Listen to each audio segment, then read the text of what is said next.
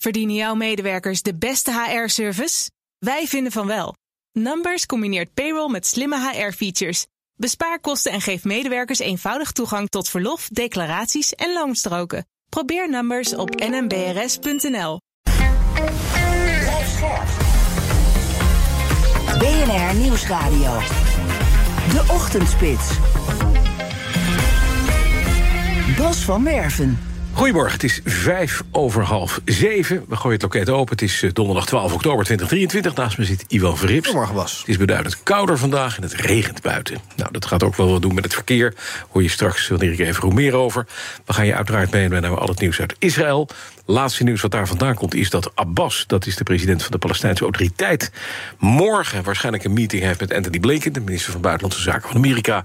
Tenminste, dat melden de Palestijnen op dit moment. Dat is nog niet helemaal officieel, maar dit lijkt inderdaad wel te gaan gebeuren, want Blinken blijkt ook in Israël te zijn op dit moment. Maar gaan we je straks meer over vertellen. We gaan eerst naar Brussel, waar de defensieministers van de NAVO elkaar gisteren ontmoeten. En daar kwam onverwachts nog een gast langs, namelijk president Zelensky van Oekraïne, die een verrassingsbezoek bracht aan België. We need some support from the leaders. That's why I'm here today. Thanks for the invitation. Of course, I'll have possibility to speak and address to all the ministers of defense on the platform. We will speak about the priorities, how to push Russia out. It means out of the our native land, and it means we will stop the war. Al dus eh, Volodymyr Zelensky gisteren naar, uh, op de eerste dag van die top van uh, defensieministers van de NAVO-landen. Vandaag dus dag twee. We gaan verder spreken met Europa-correspondent Stefan de Vries. Stefan, goedemorgen. Goedemorgen, Bas. Nou, we hebben twee oorlogen in Oekraïne en in Israël bij de hand. En het gaat ook nog over de uitbreiding van de NAVO. Maar eerst even naar gisteren. Eerste dag van het overleg. Wat is eruit naar voren gekomen? Nou, het meest concreet is eigenlijk dat de ministers van, ministers van Defensie van uh, tien uh, lidstaten, waaronder Nederland, België en Duitsland, een. Ja, een, een, contract hebben ondertekend om uh, het European Sky Shield Initiative verder te ontwikkelen. En dat is een initiatief om de Europese luchtverdediging gezamenlijk te gaan doen. Uh, dus dan, ja, dan zijn de landen slagvaardiger, is efficiënter.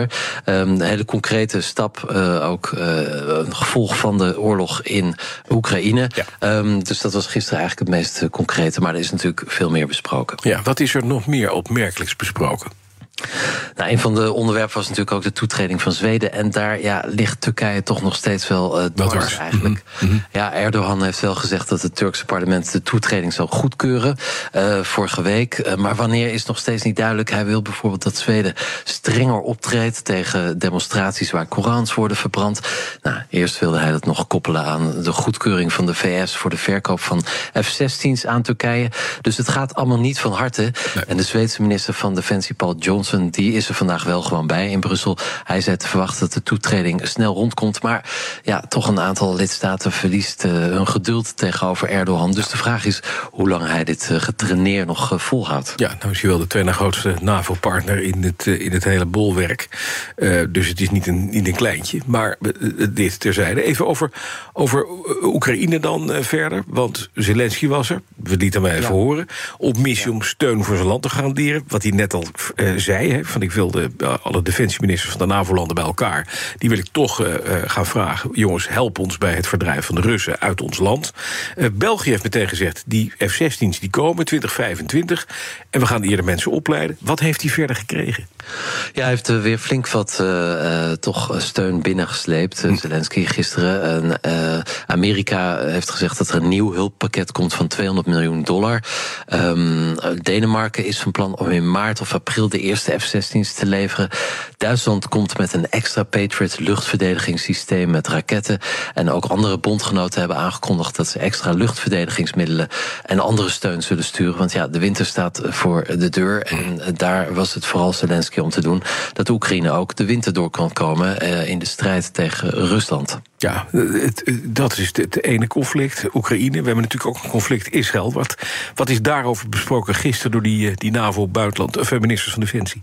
Ja, dat, dat komt vandaag ook nog uh, ter tafel. Ja. Uh, concreet uh, is daar niet heel veel over besloten. Het is natuurlijk wel, het baart natuurlijk veel zorgen. Er is bilaterale steun aangekondigd aan Israël, met name door de Verenigde Staten. En daar was dan Erdogan weer boos over. De Verenigde Staten stuurt een vliegtuigschip richting Israël. En dat vond Erdogan een provocatie. dus de, de, NAVO is niet helemaal eensgezind over dit onderwerp. Maar dat zal ook vandaag nog verder worden besproken. Ja, ik ik heb wel begrepen dat Jens Stoltenberg zo'n beetje hetzelfde heeft gezegd als, eh, als Biden eh, eerder. Dat hij uh, verwacht, en Josep Borrell trouwens ook, dat er een proportionele reactie moet komen vanuit Israël. Dat ze zich vooral niet schuldig moeten maken aan dezelfde daden die, de, die Hamas nu tegen Israël heeft gepleegd. Ja, dat klopt. Het wordt natuurlijk uh, de, de, nadruk gelegd op het gelden van het oorlogsrecht. Ook in oorlogen zijn regels. Uh, Israël wordt opgeroepen om die regels te respecteren. En natuurlijk uh, baart ook de blokkade van Gaza de bondgenoten zorgen, vooral om humanitaire redenen. Um, maar ja, militair en ook politiek vooralsnog lijkt de NAVO achter Israël te staan. Ja. Met inderdaad de kanttekening dat de, de, regels gerespecteerd moeten worden. Ja. Wat kunnen we voor concrete stappen vandaag verwachten? Want er wordt ook nog gesproken over uitbreiding. We hadden het al even over Zweden. Uh, Maar er zijn nog andere landen die op de rol staan. Hè, om, uh, ja, natuurlijk uh, Oekraïne. Ja, precies. Erbij. nou, dat, daar, daar zit Zelensky op te hameren. Hij was gisteren in Brussel op het hoofdkwartier van de NAVO. Voor het eerst dat hij daar aanwezig was. Dus dat zijn allemaal tekenen dat ja, de, de samenwerking steeds hechter wordt. Maar voorlopig wordt Oekraïne natuurlijk nog geen lid van de NAVO. Dat zou ook heel moeilijk zijn om een land in oorlog bij de NAVO te halen. Um, verder wordt er nog gesproken over de, uh, ja, de, de, versterking van de beveiliging van uh, de veiligheid van Europa. Uh, zoals dat ook al is afgesproken op de top in Vilnius eerder dit jaar. Um, en er worden ook missies en operaties besproken, waaronder die in Kosovo en Irak. daar is ook nog de NAVO actief, moeten we ook niet vergeten. En natuurlijk, ja, de schade die is ontstaan aan een pijpleiding tussen Estland en Finland. Ja. Waaruit, ja, waar het schijnt dat dat uh, ook gesaboteerd is. Of in ieder geval een externe gebeurtenis heeft die uh, gasleiding uh, beschadigd. Dus dat staat ook op het programma. de defensieministers vergaderen nog tot vanmiddag. Daarna is er een persconferentie. En dan weten we meer wat de NAVO heeft besloten. We gaan je zeker spreken. Europa-correspondent Stefan de Vries, dankjewel. Dan hoorde ik net al in het krantoverzicht. Huurwoningen in de vrije sector, die zijn uh, vrijgekomen... die worden steeds vaker verkocht in plaats van verhuurd. En dat terwijl de vraag naar huurwoningen blijft stijgen. Net als de prijzen. Dat meldt Pararius, het woningplatform... op basis van eigen onderzoek. Het FD schrijft erover. In de afgelopen drie maanden was 7% van het koopaanbod afkomstig uit eerdere huurwoningen in de vrije sector. En vorig jaar was dat nog 4% nu dus 7% En dat is ook opvallend, want lange tijd lag dat dus ergens rond die 3 of 4% ongeveer ziet Pararius en nu is dat fors toegenomen. Directeur van Pararius, Jasper de Groot, die denkt dat het komt, en dat kunnen we wel vrij uh, goed uittekenen, um, omdat uh, ja, er allerlei overheidsmaatregelen uh, worden genomen om verhuur minder aantrekkelijk te maken voor particuliere eigenaren. Vastgoedbeleggers, belangenorganisaties, die klagen al langer over ingestelde maatregelen. Dan moet je denken over de maatregelen van minister De Jonge van Vro, die bijvoorbeeld de middenhuur wil maximeren, die het puntenstelsel wil opleggen, ook aan middenhuur huurwoningen. En het onderzoek van Paragis bevestigt nu ook echt dat het aantal verkopen van die huizen uh, toeneemt. Um, en dat terwijl, en dat is wel uh, het saillant, de vraag naar huurwoningen natuurlijk nog steeds groot blijft. Heel veel mensen die uh, nu huren, die willen misschien wel kopen, maar kunnen niet kopen. Ja, als je dan minder huurwoningen hebt, dan gaat de prijs daarvan dus omhoog. En dat zien we ook. Paragis rekende uit dat nieuwe huurders gemiddeld zo'n 5% meer betalen voor hun huurwoningen dan vorig jaar. En dat er niet snel verandering in zal komen. Denkt Pararius, die de situatie op de huurmarkt en zeker die vrije huur dus kritiek noemt. Het is bijna kwart voor zeven. We gaan naar Erik Evengroen van de AWB. Erik, staat het al ergens vast dat het is slecht weer? Hè? Dat waren we eigenlijk niet meer gewend. Ja. De, het is een tijd eh, goed weer geweest, maar nu gaat het dan toch ergens worden. En dat zien we ook op de weg in het aantal files terug. Want in het midden en het zuiden van het land uh, regent het. En dat is uh, in combinatie met een donderdagochtendspits vaak een recept voor files. En ongelukken, zoals op de A4 Rotterdam richting Amsterdam. Daar was een ongeluk gebeurd bij Zoeterwoude Rijndijk. Er staat inmiddels 12 kilometer file. De vertraging is een half uur. Maar wel goed nieuws, de weg is inmiddels weer vrij. En de snelheidscontrole op de A17 Dordrecht richting Roosendaal... bij hectometerpaal 0,8. BNR Nieuwsradio. De Ochtendspits. Ja, en dan gaan we naar China. Want uh, de relatie tussen de Europese Unie en uh, China staat onder druk. Is misschien wel slechter dan ooit. Je weet nog, uh, Ursula von der Leyen, die vorige, vorige maand pleitte voor een onderzoek naar subsidie op elektrische auto's uit, afkomstig uit China.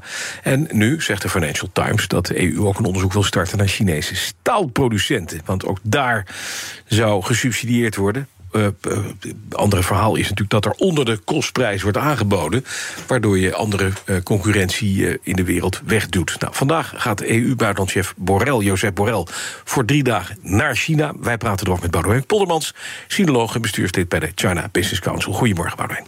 Goedemorgen. Ja, de relatie tussen Europa en China, ook die is niet echt geweldig hè, de laatste tijd, kunnen we stellen. Nee, dat, uh, dat is zeker zo. Dat komt uh, natuurlijk door uh, de mensenrechten schendingen in China. En China, China's positie in de oorlog met Oekraïne. En nu natuurlijk ook door de houding van China ten opzichte van Hamas-terrorisme. Hm. Maar aan de andere kant is die relatie wel buitengewoon belangrijk. Hè. De, de, economisch gezien, de EU is de grootste afzetmarkt voor China. Wij, nou, het volume vorig jaar was ongeveer 856 miljard. Ja. En uh, dat is toch ruim meer dan uh, de Verenigde Staten uh, doet met China. Ja. En, en ja, om even Nederland aan te stippen. Nederland is de grootste importeur. Er gaat weliswaar twee derde is doorvoer of re-export. En Duitsland is de grootste exporteur. Mm -hmm. maar, de, maar China is natuurlijk niet alleen of de EU is eh, voor China niet alleen belangrijk eh, op het gebied van handel, maar ook politiek. Ja. Maar de, de relatie, zoals je zei, die is wel die is slecht. Ja, absoluut. We hebben de hele de zonnepanelen toestand gehad, de Oeigoeren gehad. Nu ja. inderdaad deze, de opstelling van Oekraïne. En we zijn een beetje tot elkaar veroordeeld, hè, zo lijkt het. Nu komen ook die verhalen over die onderzoeken. Financial Times rept over een onderzoek ja. naar de staalproducenten. We hadden van der Leyen al met subsidie op elektrische auto's. Hoe kijken ze er in China tegenaan? Um, ja, uh, nou, er is er nog één. Er is de, de mm. mevrouw Kadri uh, Simpson, ja. de EU-commissaris voor Energie, die, uh, die brengt ook een bezoek aan China deze week. En zij heeft niet uitgesloten dat er nog, nog een ander onderzoek komt. Mm -hmm. namelijk over Chinese subsidies verleend aan windturbineproducenten. Ja, ja. Mm. Maar zij heeft ook bij gezegd van we willen geen handelsoorlog ontketenen. Nee. En want natuurlijk, uh, de EU moet natuurlijk wel zorgen dat ze niet uh, klem komt te zitten tussen het uh, keiharde machtsspel tussen de Verenigde Staten en China, met als doorzender natuurlijk Rusland. Ja. En nou ja, natuurlijk die hele discussie uh, strategische autonomie en de-risking... die komt natuurlijk ook weer uh, naar ja, boven drijven. Zeker. En we hebben nog ook de, de kwestie ja. die speelt rond de chipproducenten. Daar hebben wij direct als Nederlanders ja. mee te maken. Maar nu, Josep Borrell naar China. Wat gaat de goede man daar doen? Het is een uitgesproken man, dat weten we. Het is uh, niet een man die een blad voor de mond neemt. Wat gaat hij daar bereiken? Kan hij daar wat bereiken? Nou, ik denk dat dat wel uh, zal moeten. Ook, ja. ook uh, omdat China dat heel graag wil. Hè. China is, zit natuurlijk ook een beetje in een moeilijke situatie, economisch gezien. Dus er, er moet wel iets uit gaan komen. Ja.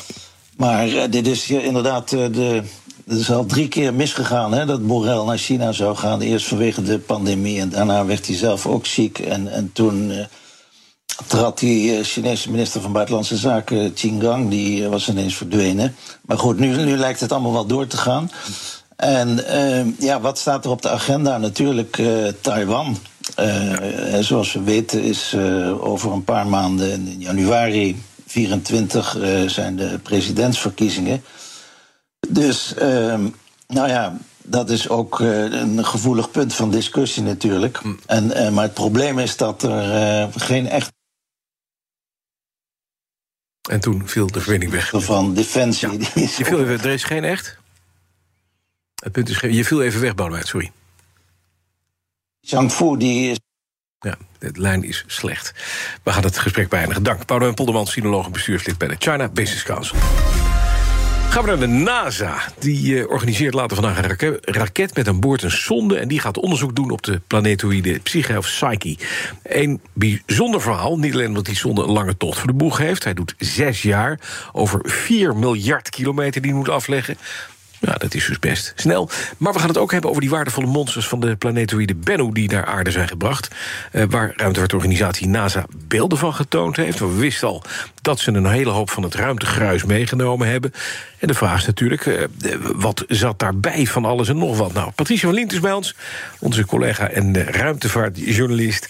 Patricia, goedemorgen. Goedemorgen Bas, goedemorgen Iwan. Even over Bennu. Grootste verzameling buitenaards gruis ooit. Het is 250 gram plus wat er nog verder in het, in het deksel van het potje zat. Ja. Het is vanuit de ruimte is het, is het afgeworpen door de zonde die het opgehaald heeft.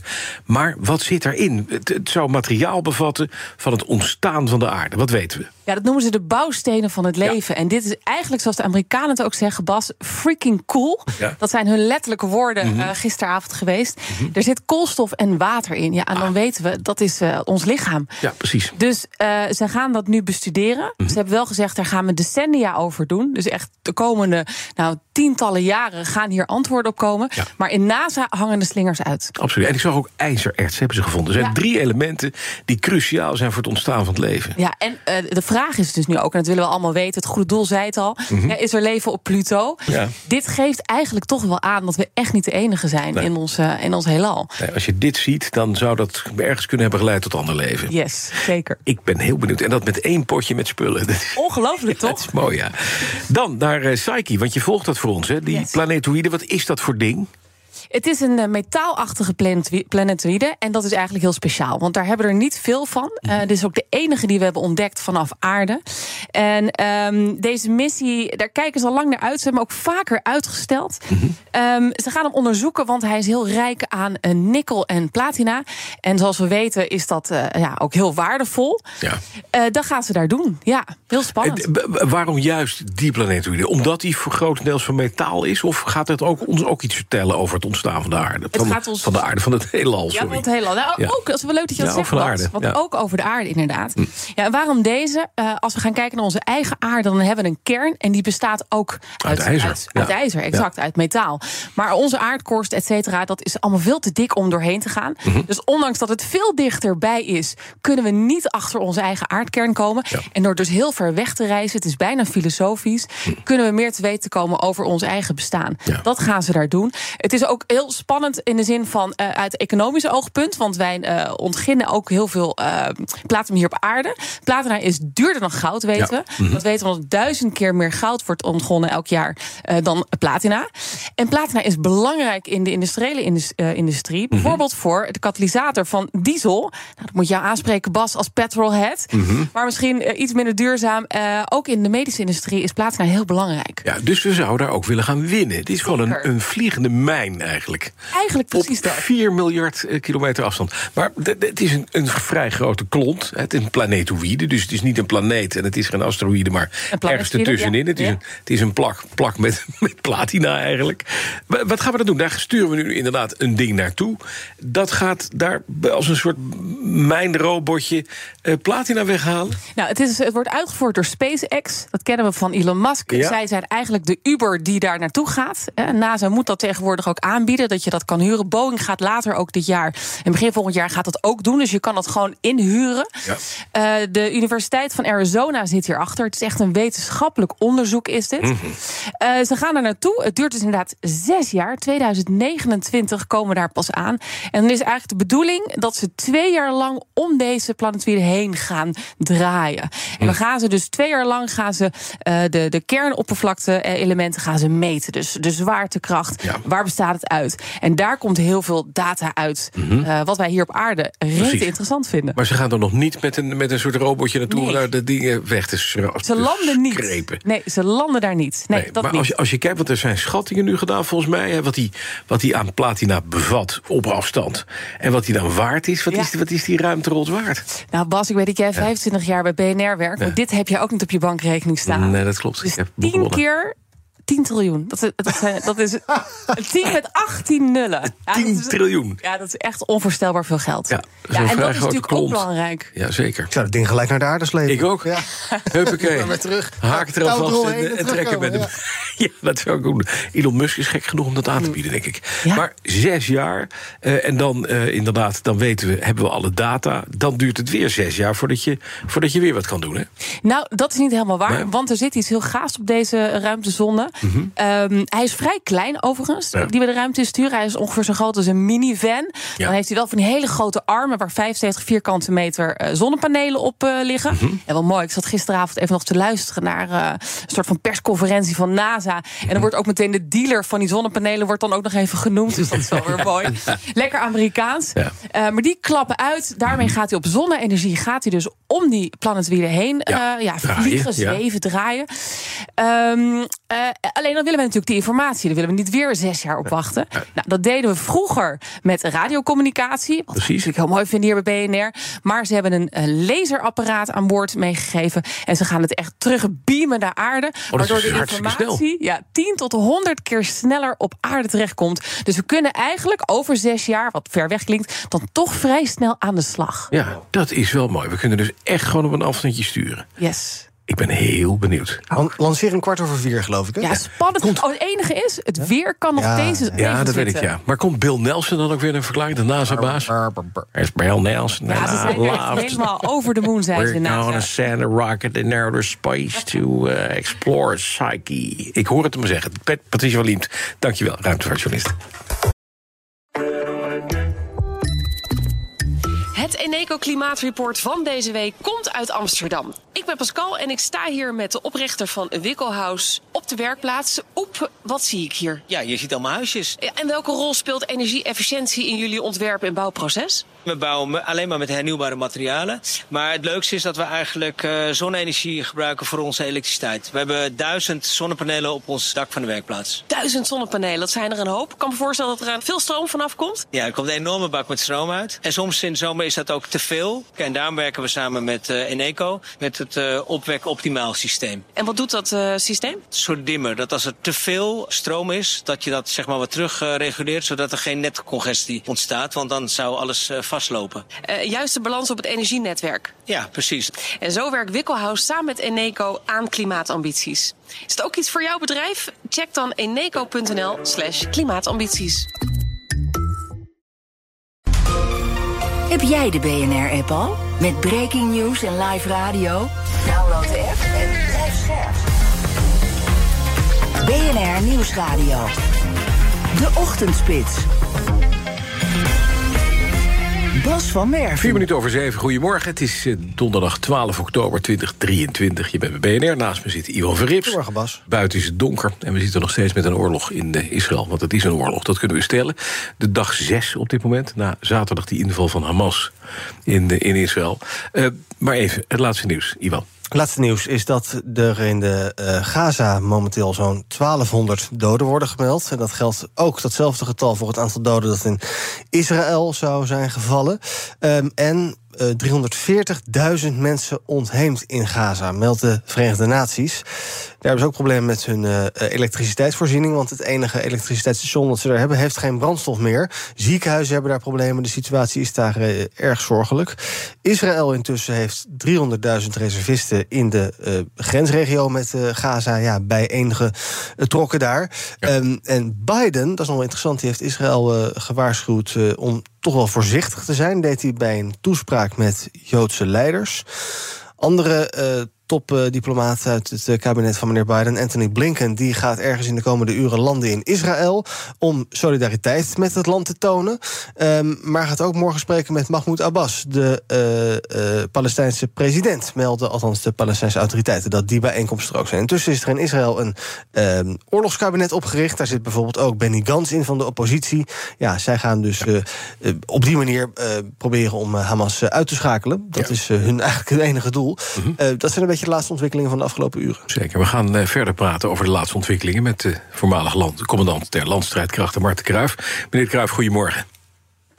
Goedemorgen. Ja, allereerst eventjes 300.000 man samentrekken bij de grens met Gaza. Terwijl er vanuit internationaal perspectief nogal wat mensen hebben gezegd. Biden, eh, hoorde u net, zei, heeft iemand ook gezegd. Die heeft ook gezegd: pas op dat je niet het internationaal recht met voeten treedt, het oorlogsrecht met voeten treedt. Als je een grondoorlog begint er in Gaza. Wat, wat, wat kunnen we verwachten? Want de, de woordvoerder van het Israëlisch leger, van de IDF, Jonathan Conricus, die zei in zijn dagelijkse briefing: het raken van de hoogste functionarissen en militaire leiders van Hamas heeft op dit moment prioriteit. Nou ja, die 300.000 zit niet allemaal bij de Gazastrook. Een gedeelte is ook naar het noorden gegaan, naar Hezbollah in Noord-Israël. Uh, maar als jij uh, Gaza binnen uh, wilt, dan heb je gewoon heel veel mensen nodig. Dat heeft te maken met het soort gevecht. Als je vecht in oorden en steden, dan moet je elke kamer, elk hokje, elke tunnel, hm. moet jij, we noemen dat zuiveren, moet je veroveren ja. en vrijwaren van vijand. Dat is ontzettend intensief. Daar heb je heel veel mensen voor nodig. Dat doe je niet zomaar. Mm -hmm. En het dilemma wat Israël heeft is, ja, we kunnen het luchtwapen inzetten en dat doen ze ook. Maar dan weet je nooit zeker of je de goede doelen treft. Bovendien, dan raak je ook burgers. En als je de leiders echt wilt hebben, maar ook tunnels wilt ontmantelen en dat soort dingen, dan moet je de Gaza in. Ja. Maar dat is een heel intensief gevecht. Precies, dat is een. Als je breken, ja. Ja, precies. Als je Hamas wilt breken echt en langdurig, dan is de vraag: kun je dat wel zonder überhaupt Hamas uh, of uh, uh, Gaza in te gaan? En, en dat is het dilemma wat Israël nu heeft. doen we het simpel op afstand, maar waarschijnlijk minder effectief? Of doen we het structureel en met massa en met meer verlies? Ja. Maar is, maakt zo'n offensief, uh, heeft dat kans van slagen? Want inderdaad, het is het, is meest bevolkt, uh, dichtbevolkte gebied ter wereld, de Gazastrook. Uh, met name in de, in de, in de, waar, de, waar de Palestijnse vluchtelingenkampen zijn. Heeft een offensief kans van slagen, zo'n stadsguerrilla? Nou ja, snel uh, gaat het niet. En de vraag is of je heel Gaza moet uh, veroveren. Mm -hmm. Er komen nog twee uh, nadelen bij. je weet niet precies wie jouw vijand is, want die ja. draagt geen uniform. Precies. En je vecht niet op je eigen trein. Je vecht op het terrein van jouw tegenstander. Elk hoekje, stegje, weegje, ken, steegje kent. Dan heb je gewoon een probleem. maar ja, als de staat Israël in de wortel is aangetast en bedreigd... de vraag is, wat ga je dan doen? En dat is het dilemma waarvoor ze staan. Het zou ook zijn dat ze een soort combinatie kiezen. Dus een gedeelte van Gaza heroveren. Uh, de van daaruit tunnels aangrijpen, rioolstelsels aangrijpen. En de rest niet, uh, dat weten we niet. Maar die 300.000 man qua massa roep je niet voor niks op. Dat duidt wel dat je over de grond erin gaat. Ja, duidelijk. Nog eventjes naar het noorden inderdaad. U zegt al, daar zijn ook troepen samengetrokken. Hezbollah zou daar vanuit Libanon, maar ook vanuit Syrië... bombardementen uitvoeren met raketten. Toch, gisteren bleek het daar uiteindelijk wel wat mee te vallen. Doet Hezbollah nou mee of niet? Want dat is de grote vraag, hè?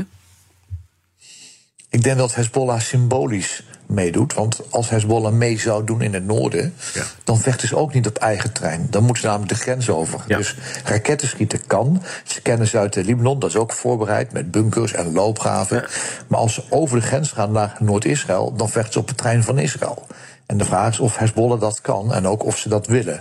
Dus dat is ook weer het dilemma wat Hezbollah in deze heeft. Bovendien, Hamas is natuurlijk Soenitisch, Hezbollah is Shiïtisch. Ja.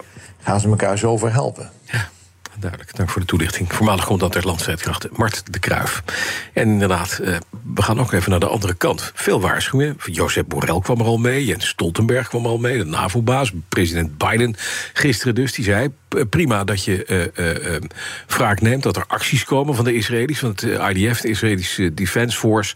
Maar jongens, hou dat wel binnen, beperken, binnen de perken van het oorlogsrecht. Daar ben je aan gebonden als staat. pure retaliation, wraak, dat moeten we niet zien dat, dat gaat namelijk nergens over. Nou, wanneer overtreed je dat, dat, dat oorlogsrecht? Nou, hoe zit dat dan? Uh, geldt dat op het moment dat, uh, dat Israël troepen naar binnen stuurt in Gaza... om daar een, een stadsguerilla te organiseren tegen Hamas? We gaan erover praten met Marten Zwanenburg. En die is hoogleraar militair recht aan de Universiteit van Amsterdam. Meneer Zwanenburg, goedemorgen. Goedemorgen. Ja, Israël wil nu wraak. Ik zei het al, bombardeert Gaza, dreigt dus met meer. Als je 300.000 mensen, 300 mensen samentrekt bij de grens... Waar, aan welke regels heeft Israël zich te houden... en waarom vrezen we dat ze dat niet doen? Nou, de belangrijkste regels waar ze zich aan zouden moeten houden wanneer ze Gaza binnentrekken, zijn denk ik de regels die gaan over uh, methoden en middelen van oorlogvoering. Dus wat, wat mag je doen als je het gevecht aangaat? Ja. En de belangrijkste daarvan zijn dat je burgers niet mag aanvallen. Uh, maar misschien nog wel belangrijker in, in deze context is dat ook als je niet burgers aanvalt, maar een, een legitiem militair doelwit dat je dan dat wel op een proportionele manier moet doen. En dat wil zeggen dat je uh, de schade die je verwacht als bijkomende schade voor burgers dat die moet opwegen tegen het uh, militaire voordeel dat je denkt te behalen. Mm -hmm. Dus uh, de, de, de schade aan burgers mag niet buitenproportioneel zijn ten, ten opzichte van je verwachte militaire voordeel. Ja, dat is natuurlijk lastig. We hoorden Marten Kruis zeggen, ja, weet je, je strijdt tegen een vijand die niet een uh, uniform aan heeft. Dus je weet niet tegen wie je staat te strijden. Nee, dat, dat, dat maakt het heel moeilijk. Ja. Um, en ja, zeker in, in zo'n verstedelijkte omgeving wordt dat naleven van dat proportionaliteitsbeginsel wordt, wordt lastig. En al, al helemaal als het, dat een verstedelijkte omgeving is waar zoveel mensen dicht op elkaar wonen. Ja. Um, dan is het risico burger, burgerslachtoffers natuurlijk zeer groot. Uh, anderzijds, ja, dan zou je zeggen, dan maar bombarderen zoals dat nu gebeurt, met, met luchtaanvallen. Ja, daar raak je van alles en nog wat mee. Hè? Zeker in dat heel verstedelijkte gebied. Ja, ja het, het oorlogsrecht zegt niet, uh, zegt, zegt niet over of je met uh, soldaten op de grond of uh, met oorlogsvliegtuigen moet aanvallen. Mm -hmm. maar het is wel zo dat, dat het in, in veel gevallen waarschijnlijk zo is dat als je met militair op de grond aanvalt, dat je dan meer kan doen om rekening te houden met, met burgers. Mm -hmm. Uh, gewoon omdat je beter zicht hebt op wat er gebeurt. Uh, maar ja, dat brengt natuurlijk ook uh, veel meer risico's voor je eigen troepen met je mee. Dus dat, dat, moet, dat moet worden afgewogen binnen de kaders die, van het oorlogsrecht. Ja. En als we even kijken naar de schendingen nu, eventueel. Israël heeft Gaza volledig afgesloten van water, van voedsel, van elektriciteit, van benzine. Is dat nu al een schending? Is dat nu al aan de hand? Dat, dat, zou het dat zou het duidelijk zijn uh, wanneer Israël de bezettende mogendheid zou zijn in Gaza. Dat klinkt misschien gek, want ze hebben daar nu geen troepen. Uh, maar de VN bijvoorbeeld, die zegt ja, Israël zat ooit met troepen in Gaza, is daar weggegaan, maar controleert eigenlijk nog steeds de grenzen en alles wat daar gebeurt door de middelen die ze hebben. Um, en als je Israël als bezettende mogendheid ziet, dan heeft Israël de, de verantwoordelijkheid om uh, te voorzien in de basisbehoeften van de bevolking daar, als ze daar zelf niet in kunnen voorzien. Hm.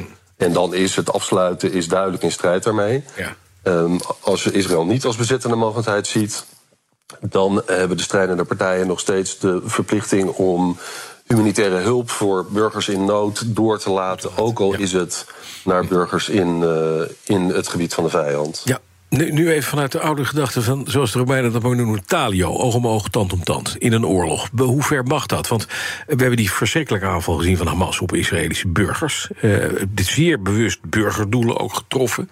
Betekent dat je daardoor als, als mogendheid, als Israël ook genadelozer mag terugslaan? Nee, die, die, die mogelijkheid bestond lang geleden in het oorlogsrecht. Maar tegenwoordig is het eigenlijk zo dat uh, de regels waar je aan moet houden, dat dat uh, onafhankelijk is van of de, de vijand zich daar ook aan houdt. Ja. Uh, dus om even een parallel te trekken, toen Nederland tegen IS aan het vechten was, en IS die hield zich natuurlijk ook niet aan het oorlogrecht, toen zei Nederland ook niet, ja, dan hoeven wij dat ook niet te doen. Ja, nu stellen de Israëli's zich daar wel op dat, op dat standpunt, hè? Vandaar dat de ja, waarschuwing. Ja. ja. Heeft Hamas heeft bewust zijn ja, kantoren, zijn bureaus, zijn commandocentra ondergebracht op allerlei civiele plekken. Is dat nog, uh, als je in het oogpunt van Israël bekijkt, is dat dan nog ja, een verzachtende omstandigheid in het kader van collateral damage? Um, nou, het maakt uh, het voor collateral damage maakt het niet heel veel anders, maar het is wel zo dat als uh, Hamas iets gebruikt wat normaal gesproken een burgerobject zou zijn, wat je niet mag aanvallen, dus een school of een ziekenhuis of een appartementengebouw, uh, dan kan door dat gebruik kan dat gebouw op zich alsnog een militair doelwit worden. En dan mag je het dus toch aanvallen, ook al zou het normaal gesproken uh, een verboden object zijn. Uh, maar dan nog moet Israël wel rekening houden met dat proportionaliteitsbeginsel. Ja, duidelijk. Als we er nu naar kijken, zo op een afstand. Ik weet dat het voor u lastig in te schatten is. Maar kunnen we stellen inderdaad dat er, dat er over en weer. En dan met name vanuit de Israëlische kant. Want daar kijk je naar een mogendheid, een regering en een leger. Dat er nu al sprake is van schendingen van het oorlogsrecht? Ja, bij die, die regels die gaan over, over doelbestrijding is dat, is dat wat moeilijker te zeggen. Omdat uh, dat gaat heel erg over wat wist de commandant van tevoren. Hm. En op basis waarvan heeft hij zijn besluit genomen. Dat, ja, wij, wij kunnen niet in het hoofd van de Israëlische commandanten kijken. Als het gaat over dat afsluiten van de Gazastrook, dan zitten we denk ik veel dichter tegen een mogelijke schending van het oorlogsrecht. Hm, duidelijk, Martin. Zwanenburg is hoogleraar militair recht aan de Universiteit van Amsterdam. 17 minuten over 7. Erik Evergroen van de AWB is bij ons. Erik, hoe staat het erbij? Nou ja, ongelukken veroorzaken nu nog altijd eh, de meeste oponthoud. Zoals op de A12 Arnhem richting Utrecht. Bij Maasberg is een ongeluk gebeurd. De linkerreis ook is dicht. Vertraging ruim drie kwartier. En een flitser gemeld op de A17 Dordrecht richting Roosendaal... bij hectometerpaal 0,8. Dan gaan we kijken naar eh, de beurs. Um, we gaan het over de F'jes hebben. En dat heeft niks met voetbal te maken. Maar met die beurs dus. Het cijferseizoen is begonnen. Hier hoort collega Jelle Maasbach van BNR Beurs. Het is de dag van de F'jes. Vagron en Fastnet. Om met die laatste te beginnen. Het is niet bepaald het jaar van de snellader. Eigenlijk sowieso niet van bedrijven die actief zijn op de laadpale markt. Ze doen het namelijk slecht op de beurs. Er is wel een klein lichtpuntje voor Fastnet. En dat is Duitsland, want daar sleept het twee kavels in de wacht... waardoor het laadnetwerk bij de oosterburen de komende jaren flink kan groeien. Maar ja, of de cijfers over het derde kwartaal ook zo flink zijn, dat is niet de verwachting. Van farmaceut Vagron komen dan zo goed als zeker betere cijfers. Eerder kregen beleggers namelijk de belofte dat voor dit hele jaar... een hoge, eencijferige omzetgroei wordt behaald. En ook de winst zal blijven stijgen, voorspelt de directie. Tot slot krijgen we nog nieuws uit de Verenigde Staten. Daar komen de Amerikanen namelijk met de inflatiecijfers. En wil je meer beursnieuws? De cijfers van Fastnet komen om half acht. Om kwart over acht spreken we met de topman van Fastnet, Michiel Langezaal. En vanavond is er natuurlijk weer een eh, nieuwe aflevering van BNR Beurs. Half zeven op BNR, direct daarna te vinden in de BNR-app. Ja, het oude Duitse familiebedrijf Birkenstock ging naar de beurs. En iedereen dacht, nou, dat gaat wel wat worden met die kurkenzolen. Maar uh, ja, liep toch een beetje anders, letterlijk en figuurlijk. Uh, beleggers zijn niet zo heel enthousiast. Het aandeel ging onderuit met 13 procent. Nadat het wegging op een introductieprijs van 46 dollar... sloot het uiteindelijk op 40 dollar 20. In 2021 nam de investeringsclub Ketterton een meerderheidsbelang... waarbij de Birkenstocks broers 3 miljard kregen. Nou, die overname maakte de weg vrij voor een IPO...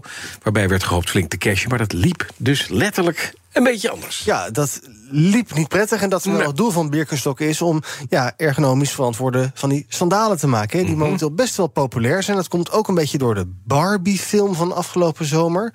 Leverde een hype op, waardoor de Barbie-sandalen als zoete broodjes over de toonbank gingen.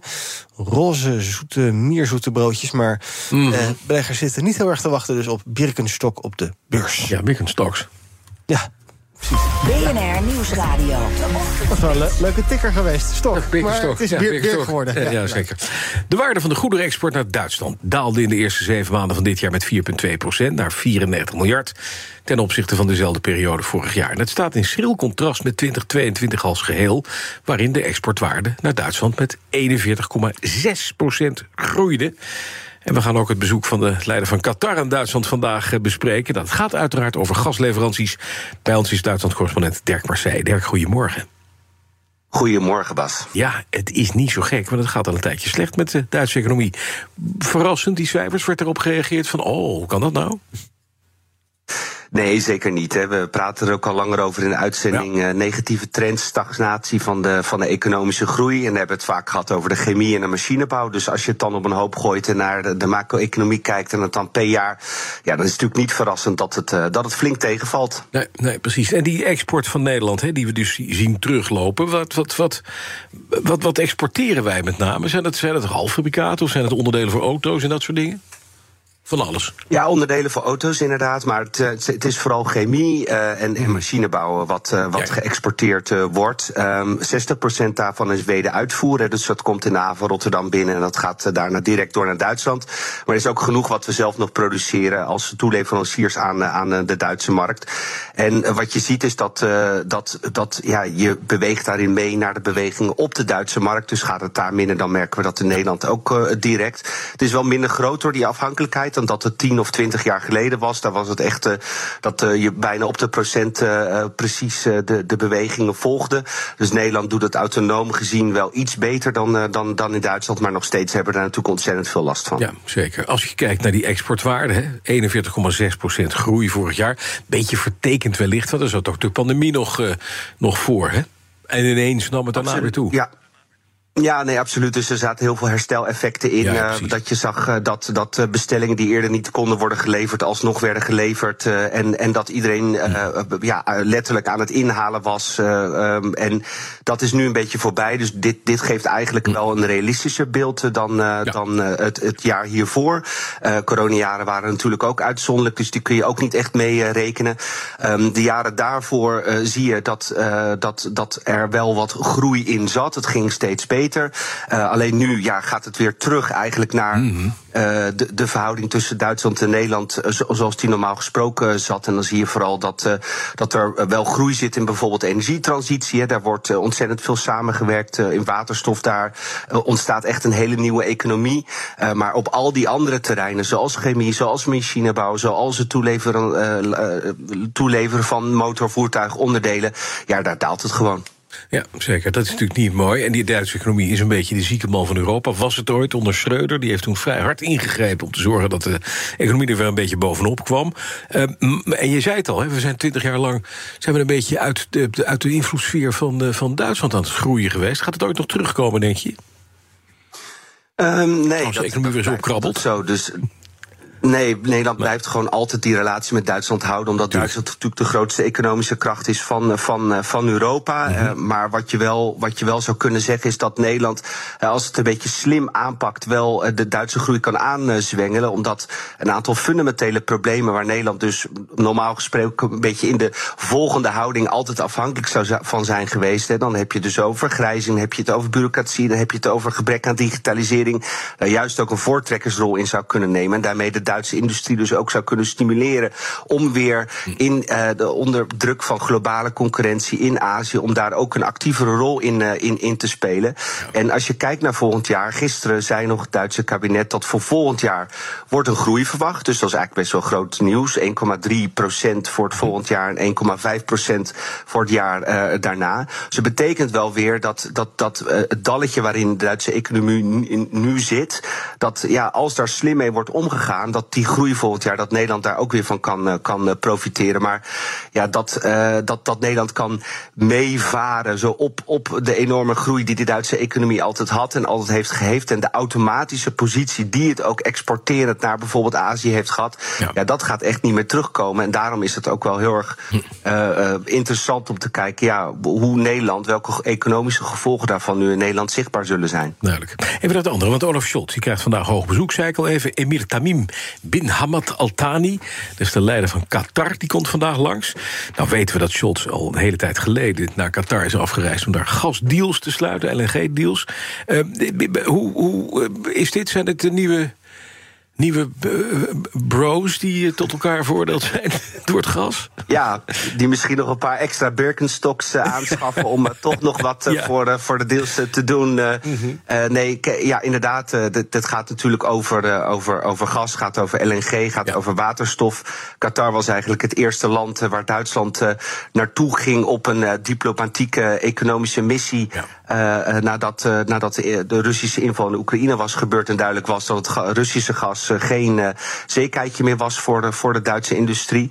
Uh, je ziet dat uh, Duitsland dit soort economische missies sinds die tijd ook, ook gewoon blijft voortduren. en we moeten ook niet vergeten, hè, als je Qatar qua mensenrechten en het hele WK, nou, dat was natuurlijk een, een enorme discussie, ook in Duitsland. Maar mm-hmm. voor Duitsland echt geen reden om dan dit soort initiatieven niet te nemen. Hè. Er wordt ook al jarenlang enorm veel wapens geëxporteerd naar bijvoorbeeld een land als Saoedi-Arabië, waar uh, ook discussie over is, hoe dat met mensenrechten omgaat. Dus uh, wat dat betreft blijft Duitsland ook die koers voeren, ondanks natuurlijk heftige discussies ook in de Duitse regering over of dit soort, met dit soort landen je daar ook economisch afhankelijk van, uh, van moet, moet, moet zijn. Ja. Um, maar ja, Duitsland die, die heeft dat altijd gedaan. Die heeft altijd met dit soort landen zaken gedaan. En ook nu in de richting van Azië, eigenlijk met alle landen behalve China. Ja, er wordt gewoon actieve buitenlandpolitiek op, opgevoerd. Uh, landen als, als India, Maleisië, Indonesië, Australië. Ja, en dus hoort Qatar dan ook, ook, uh, ook bij. En ja, Duitsland heeft die energie gewoon keihard nodig. nodig. Precies. En de industrie geeft daar de toon aan. De Duitse industrie zegt gewoon: Qatar moet erbij. En uh, ja, dan uh, wordt, dan wordt uh, de, de leider van Qatar met alle egaars ontvangen, ook vandaag in Berlijn. Met Birkenstocks, dankjewel ter Marseille, onze correspondent vanuit Berlijn. Verdienen jouw medewerkers de beste HR-service? Wij vinden van wel. Numbers combineert payroll met slimme HR-features. Bespaar kosten en geef medewerkers eenvoudig toegang tot verlof, declaraties en loonstroken. Probeer Numbers op nmbrs.nl.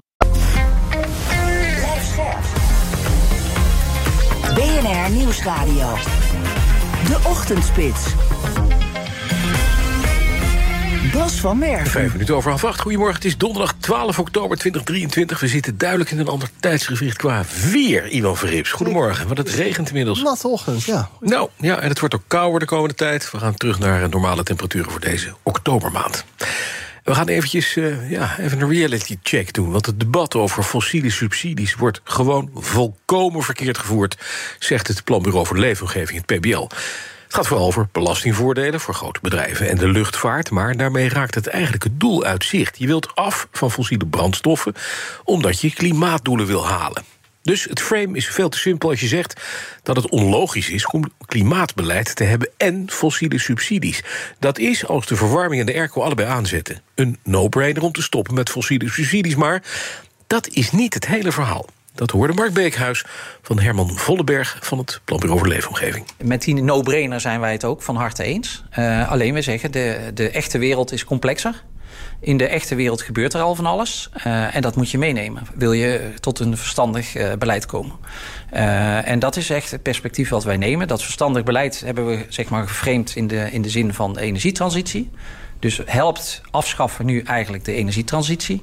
En dan komen we tot heel genuanceerde oordelen. Sommige regels kan je afschaffen en andere voordeeltjes kan je beter niet afschaffen. Ja, dus, dus één heel belangrijke conclusie is dat zeg maar, de elektriciteitsbelasting uh, eigenlijk niet de goede, de goede vorm heeft. Waardoor het dus uh, eigenlijk onaantrekkelijk wordt om te elektrificeren. Uh, die prijzen zijn uh, vrij hoog, hè, die tarieven. terwijl wij eigenlijk zeggen van je moet niet naar de output kijken, zoals het heet, de elektriciteit zelf. Maar kijk nou naar de opwekking. Want daar zitten eigenlijk die fossiele energiesubsidies waar die economen het ook over hebben. Ja. Nou ja, die elektriciteit, daar zit wel hele hoge belasting op voor mensen thuis. Maar voor bedrijven Precies. niet, toch? Dus exact, daar zit misschien ook een nuance? Uh, nou, dat is dan weer een verdelingsvraag. Hè? Dus je kan je afvragen van ja, wil, wil ik dat vanuit een verdelingsperspectief? Maar vanuit een energietransitieperspectief is ook die lage tarieven voor elektriciteit voor bedrijven op zich belangrijk voor de transitie. Ja. Want als je die flink verhoogt, dan wordt het dus minder aantrekkelijk uh, om te elektrificeren voor de grote bedrijven. Dus, je moet, dus daarom hebben wij ook gezegd... Een, een forse verhoging daar lijkt ons ook geen goed idee... maar er is best ruimte voor, voor enige aanpassing. Die kan omlaag, elektriciteitsbelastingen. Met name eh, in de eerste schijf waar de huishoudens last van hebben en de NKB. Ja. ja. Een andere insteek is natuurlijk de bedrijven. Die krijgen natuurlijk via hun ETS... hebben ze al een soort afbouwpad. Dat is een ander stuk waar van de week uh, in ESB over geschreven stond. En die zeggen, bedrijven, daar hoeven we niet meer over na te denken. Dat is geregeld. Ja. Ben u het ook niet meer eens? Dat is ook nee, te simpel. Dat vinden we ook te simpel. Dus ja, hier zie je eigenlijk bij uitstek die discussie aan twee kanten langskomen. Uh, ja, wij zeggen, nou, ETS doet zeker zijn best. Uh, is op termijn ook heel effectief. Dus wij zijn het ook met. Uh, ik ben ook een fan uh, van, van, uh, van het ETS. Maar op de korte termijn dan hebben we toch nog wel een paar, paar zaken te, te, regelen. En dan zien wij in onze studie heel duidelijk dat ETS ook niet voldoende is om de klimaatkosten in rekening te brengen. Waar zit dat in? Dat zit in het feit dat de ETS-prijs toch, ook al is die best wel hoog geworden, nog steeds niet zeg maar, opweegt tegen de schade. Dus wij gaan uit van 130 euro per ton schade, klimaatschade, van een, laten we zeggen, een ton CO2. En de ETS-prijs is uh, op dit moment rond de 80. Dus dat is en toch de rest een is een soort subsidie dan? Exact, dat is, dat is onze, onze invalshoek uh, om fossiele subsidies uh, uit te rekenen voor deze type regelingen. Ja, zeg Herman Vollenberg, die uh, onderzoeker is van het Planbureau voor de Leefomgeving tegen Mark Beekhuis. En Vollenberg waarschuwt om niet naar de belastingvoordelen te kijken bij fossiele subsidies, maar naar de klimaateffecten. En dan zie je dat vooral huishoudens veel minder belasting zouden moeten betalen op elektriciteit. Dat is goed nieuws. Dat is een waarschuwing voor iedereen die in de cyberbeveiligingsbranche werkt. Slik je koffie even door voordat je het uit gaat proesten. Want wat zegt TNO? We zouden cyberveiligheid volledig uit handen moeten geven aan kunstmatige intelligentie. Raad dus TNO aan. Het gaat dan om banken, maar ook allerlei andere cruciale Nederlandse bedrijven. En dat lezen we in de Financiële Telegraaf. We weten dat jaarlijks duizenden bedrijven slachtoffer zijn van afpersing met gijzelsoftware, ransomware. Uh, we doen dan uh, ons best om die aanval op tijd te detecteren, om dat snel en op een juiste manier te reageren. Maar TNO zegt. Ja, er is zo'n enorme hoeveelheid gegevens voor nodig om dat op tijd te kunnen doen, reageren. Dat is veel te veel voor ja, ons mensen eigenlijk. En daarom hebben zij een uh, antwoord bedacht op deze kwestie, op het toenemend aantal cyberaanvallen. En dat heeft ook al een naam. Het heet Athena, dat is een software systeem. Zelflerend, zelfherstellend dat verschillende taken kan uitvoeren. Het is nu nog in concept, maar met verschillende uh, financiële instellingen en toeleveranciers wordt er aan gewerkt. Het gaat ook wel een tijdje duren. En gelukkig, er blijft ook nog wel een rol voor de mens betrokken. Um, dat is fijn. Dat dan weer wel, ja. We worden niet volledig overbodig. ja. Het systeem moet nog wel uh, ontworpen worden door mensen. Er moeten onze ja, ethische uh, normen, ethische waarden worden ingebracht in dat proces. Dus nou ja, uh, data, wat stop je erin, wat komt eruit? Al dat soort vragen zijn er dus wel. Maar TNO heeft dus een systeem bedacht om ja, een deel van die cyberbeveiliging uit te kunnen besteden aan computers. Dus dat zijn dan computers die computers bestrijden. Dat is mooi. Het zou mooi zijn als hier als dan terughekken. Ja, precies. Ja, die de, computer, de computer zelf houden. Maar ja, dan bedenkt een crimineel weer een AI die ja, dat gaat. Ja. BNR Nieuwsradio. De Ochtendspits. Ja, we gaan even naar een uh, zonneauto die de studenten van de TU Eindhoven hebben ontwikkeld. Die testen ze nu in Marokko. Uh, is inderdaad een auto die uh, met zonnepanelen wordt aangedreven. Stella Terra heet die gaan een tocht van 1000 kilometer afleggen. En uh, FD-collega Ardy Vleugels is daar. Ze rijdt een stuk mee met de studenten. En ze is nu bij ons. Goedemorgen. Goedemorgen. Ja, de Ardy, eerst even over die auto. De eerste reis die ze gaan afleggen. 1000 kilometer. Zijn ze al begonnen? Ja, ze zijn zeker begonnen. Ze zijn nu ongeveer op uh, drie kwart. Ze begonnen in Tanger en ze willen duizend kilometer helemaal naar beneden. Mm -hmm. En dan eindigen ze straks in uh, de Sahara. Ja, en dat is gewoon een, een, een, een auto. Hoe ziet die auto eruit? Wat is het voor een ding? Ja, het is een, een beetje een, een gek gevaarte. Hij is groen en -hmm. hij is druppelvormig. En ja. het, mij doet het een beetje denken aan een ja, auto uit de jaren 70. Uh, en uh, helemaal voorop, dus op de motorkap en op het dak, zit, uh, zitten zonnepanelen. En die kunnen ze ook, als ze stilstaan, kunnen ze die ook helemaal verlengen aan beide kanten. Zodat ze echt een heel grote oppervlakte zonnepanelen hebben. Mm -hmm. Maar het gaat niet helemaal goed met de rij, met de, althans met de studenten zelf, begrijp ik. Want er is schurft uitgebroken onder de studenten? Hey, ja, ze ah. hebben ook uh, wat tegenslag gehad. En uh, ja. een van de scenario's die ze niet hadden voorzien uh, is dit. Er, is, er zijn inderdaad twee teamleden die hebben schurft. Uh, en dat, uh, dat betekent nogal wat. Want uh, dat betekent natuurlijk wat voor hun gezondheid. Ja. Maar dat is natuurlijk ook behoorlijk besmettelijk. Dus nu moeten alle auto's waar ze in rijden... bijvoorbeeld allemaal worden afgeplakt met vuilniszakken en duct tape. Mm. Zodat die, de kans op besmetting minder is. Ja, ja het is natuurlijk ook wel gewoon jammer van het plaatje. Want die auto is ook van binnen onwijs mooi um, gedesigned. Mm -hmm. en nou ja, daar zie je nu niks meer van, nee. de plaatjes. Want daar zit dus nu allemaal Plak, plaksel op. Ja, precies, met dank aan de schurft. Nou, rijdt hij volledig op zonne-energie. Dat is natuurlijk in Marokko goed te doen. Hè. De, de, studenten van de Team Eindhoven hebben een hoogte op het gebied. Maar het andere is, je zei het is een groene auto. Het ziet een beetje uit als een auto uit de jaren 70. Het is een offroader, het is een four-wheel drive. Ja, en dat is ook echt anders dan de vorige auto's van de Solar Teams. Ze hebben toen op een gegeven moment vier jaar achter elkaar... heeft dat Solar Team Eindhoven um, de World Challenge gewonnen in uh, Australië. Daar gingen ze altijd met zo'n beetje futuristisch uitziend autootje... van die hele lange, vlakke wegen af, zo snel mogelijk. En toen zeiden ze tegen elkaar van ja, nog een keer die race winnen... wat uh, voegt dat eigenlijk toe aan uh, duurzame mobiliteit? Dus daar zijn ze vorig jaar hebben ze, zijn ze daarvan afgestapt... en hadden ze een um, elektrische camper gemaakt... gemaakt. Ja. Uh, en dit jaar wilden ze dus een elektrische terreinauto maken. Dus echt een auto die um, off-road kan.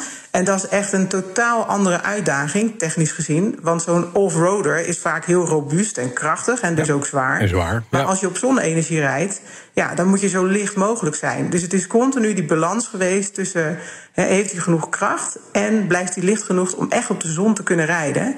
Ja, die uitdaging die zijn ze uh, aangegaan. En uh, die auto rijdt nu hier in Marokko. Ja, en die doet het dus inderdaad gewoon. Hè. Dat, dat blijkt wel. Um, terwijl we ja. hebben natuurlijk. Ja, dat is, dat is wel. Lopen ze, lopen ze niet tegen problemen aan met de testritten? Behalve die, dat, dat vervelende schurft verhaal. Maar doet hij het goed, die auto?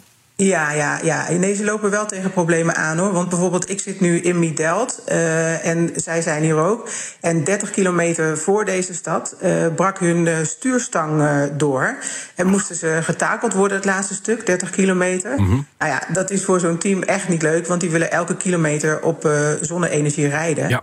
Maar gisteren, uh, met de rit door, uh, door de hoogvlaktes hier, uh, bleek dat de auto het zo goed deed, echt boven verwachting goed, dat ze eigenlijk die extra kilometers die ze waren getakeld, gisteren opnieuw hebben gereden. Hey.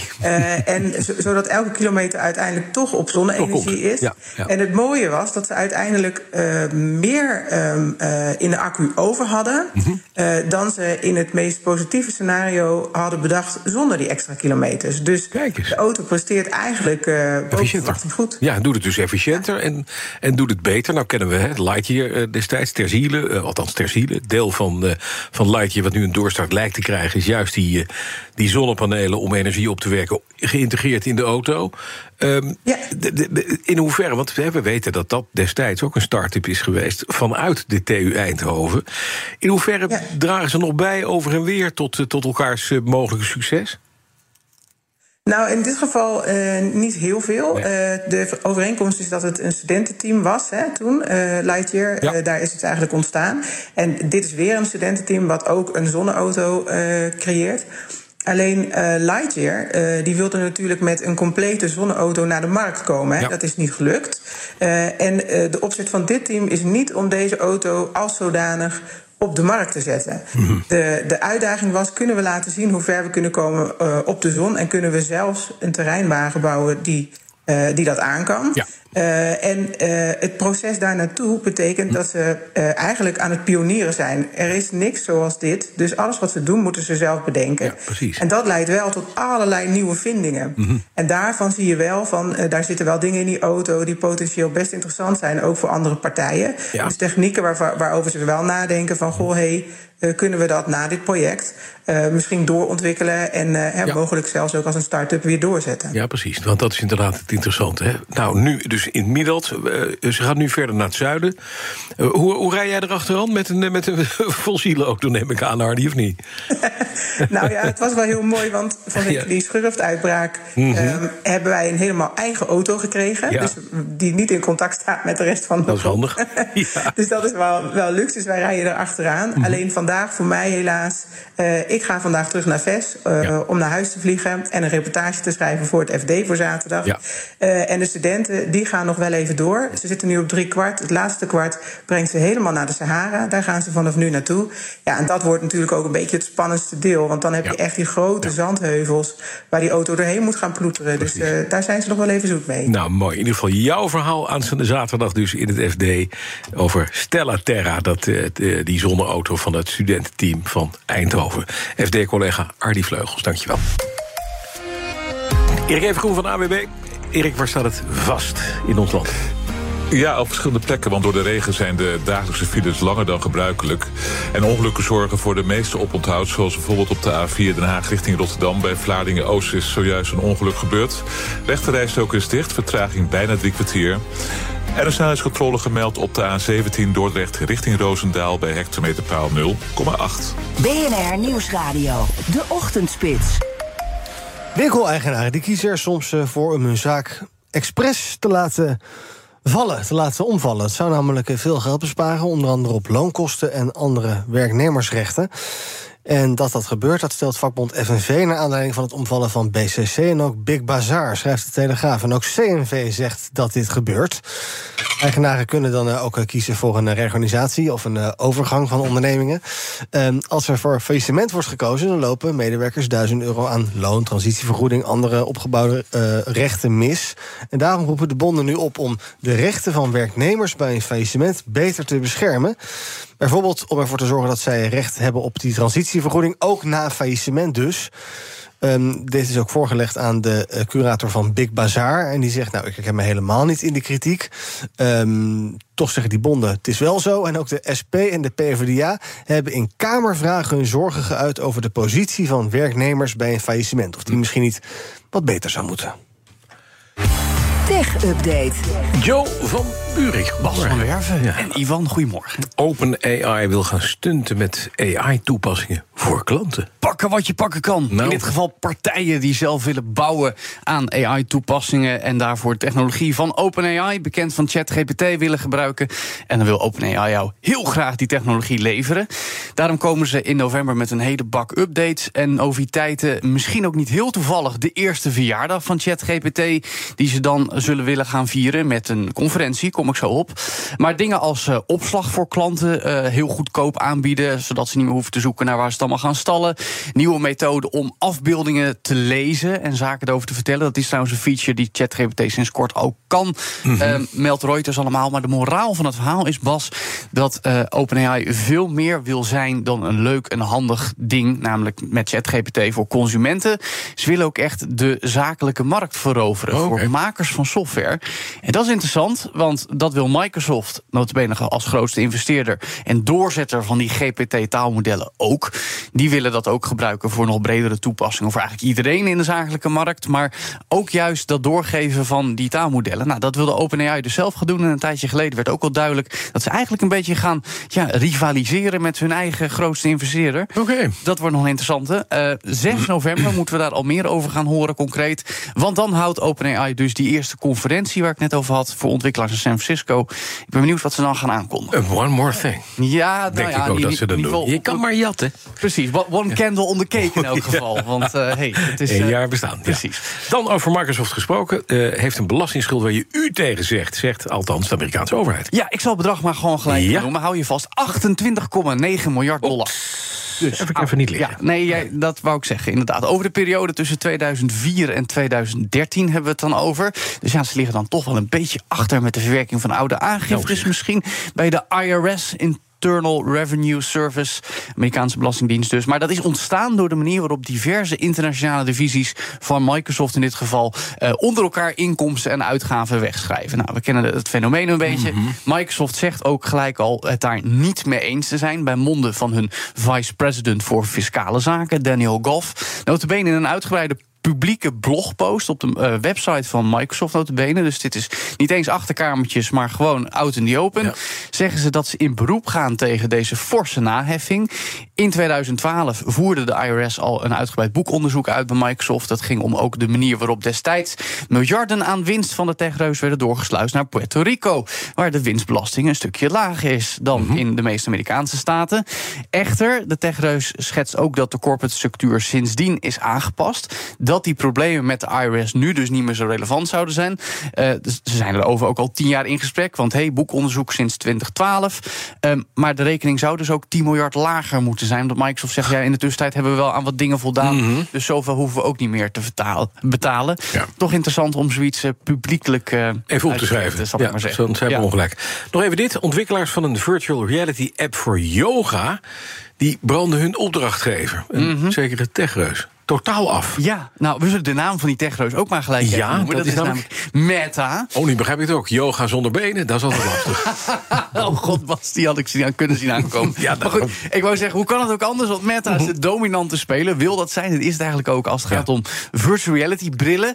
En nu klapt daarover ontwikkelaar Andre Elijah uit de school. Ja. Dat is namelijk een meneer die met zijn team werkte aan een toepassing om in virtual reality te fitnessen. En ja, Bas, dat is een populaire bezigheid. Want oké, okay, reality Ja, ze. geen benen, dat is niet zo toe. Maar je zit dan op de bank met je VR-bril. Nee, nee, nee. Heel dat erg is echt, fit is nee, nee, nee Oh. dat is echt staan en gewoon je flink Oh, in het zweet werken. Ik moet zeggen, dat, is ook echt best wel een ding hoor. Dat is Ja. toch een serieuze markt. Ik zal zeggen hoeveel geld er aan omgaat. Mhm, ja. Het punt is meer een beetje, eh, nou, ze waren dat dus aan het maken. Het zou gelanceerd worden tijdens Meta Connect, grote jaarlijkse presentatie Ja. van de techreus. Meneer Elijah en zijn team waren keihard aan het werk om die app af te krijgen. Fitnessen, ja? Ja, ze hadden een deal, deal van tientallen miljoenen dollars. Mhm. Mooie trailer gemaakt, die zou getoond worden. En toen zei letterlijk eh, enkele momenten voordat die presentatie was... Mark Zuckerberg opeens, we stoppen met het project en je krijgt je geld niet. En meneer Elijah mocht niet naar de conferentie komen... werd zelfs op de zwarte lijst van ontwikkelaars geplaatst.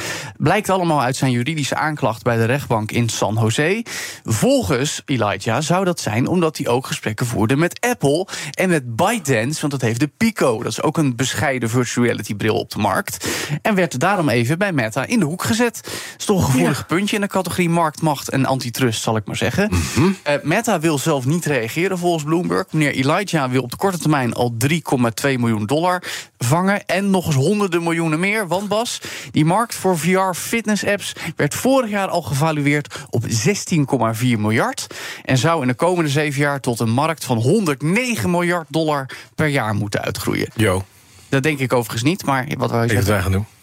Fitness zonder Wij gaan benen? fitness-appen maken. Zonder benen. Zonder benen. Unieke app. Voor Nee, mensen maar de in de wordt dan metaverse. dat je wel benen hebt. Ja, dat je, Yoga zonder benen. yoga zonder Alleen je benen. Ja, maar je moet je dan toch al in je nek leggen, dus dan... dan Nee, dat je- hoeft dan dus niet. Met dat is wel makkelijk yoga. Dat is hem handig. Die- Maar dat, yoga wordt veel makkelijker als je geen benen hebt in de metaverse. dan noemen we het Noga. Oh, dat is fijn, ja. Omdat je dan steeds ook een hapje van dat lekkers mag niks nemen. hoeft te doen. Mark Zuckerbeen. Dankjewel, Jo van Buurik. De BNR Tech Update wordt mede mogelijk gemaakt door Lenklen. Lenklen. Betrokken expertise, gedreven resultaat. Verdienen jouw medewerkers de beste HR-service? Wij vinden van wel.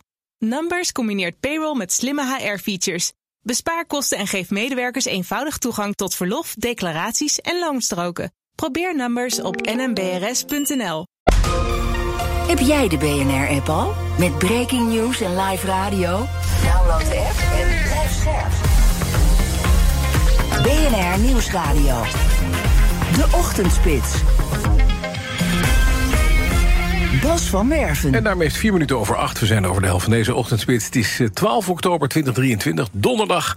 Naast me zit Ivan Verrips. Goedemorgen, Bas. We gaan uiteraard praten over Israël, Gaza en over Oekraïne. Want dat zijn de twee conflicten waar eh, de hele wereld eh, over nadenkt. Israël bereidt zich voor op een grootschalige militaire actie. Zo lijkt het althans. 300.000 reservisten van de Israeli Defense Force... die zijn samengetrokken bij Gaza, bij de grensstrook daar. Verschillende leiders in de regio gaan de koppen bij elkaar steken. Het laatste nieuws is dat Anthony Blinken morgen op bezoek gaat... bij de Palestijnse leider Abbas. Eh, maar ook vandaag al naar Israël reist. En tegelijkertijd probeerde gisteren de Oekraïnse president Zelensky... alle eh, NAVO-ministers van de Defensie bij elkaar te houden in Brussel... om ook de aandacht voor Oekraïne op peil te houden. Bij ons buitenlandcommentator Bernard Hammelburg... en Europa-verslaggever Geert-Jan Haan vanuit Polen. Heren, goedemorgen. Goedemorgen. Goedemorgen. Bernard, de allereerste situatie in Israël nu. Hoe, hoe is het daar vannacht? Zijn er weer nieuwe beschietingen geweest door het Israëlisch leger op Gaza? Ja, het is in afval één richting verkeer. Dus er, er, wordt niet of nauwelijks meer geschoten op, op Israël. Dat kan wel weer komen hoor, want ze hebben nog zat raketten in, eh, in, in Gaza. Maar dat is dan nu even niet gebeurd. Ja, inderdaad, uh, weer een stevige aanval op uh, uh, Gaza. Het aantal doden is daar nu net zo hoog als in uh, Israël. Dus dat is 12, 1300. dat is enorm veel. Ja. Um, en uh, uh, je zei het al in je inleiding, uh, alles lijkt erop dat ze echt overgaan tot een invasie. Hm. Dat, dat is nogal wat, nou. omdat, hebben we het ook al eerder over gehad. Um, je, het is heel moeilijk om te doen, omdat Gaza is zo een. Uh, ja, een, een, een, klein gebied met, met allemaal kleine straatjes en weggetjes en paden. Daar, daar kun je met je tanks niet ver komen. Dus dat wordt dan heel veel gewoon straatgevechten. Hm. Uh, he, gewoon de infanterie, ouderwetse voetsoldaten. Ja. Met geweren en waarschijnlijk pistolen en messen. Hm. Eh, dus dat wordt een enorm bloedbad. Het is iets waar van alle kanten tegen wordt gewaarschuwd. Ja.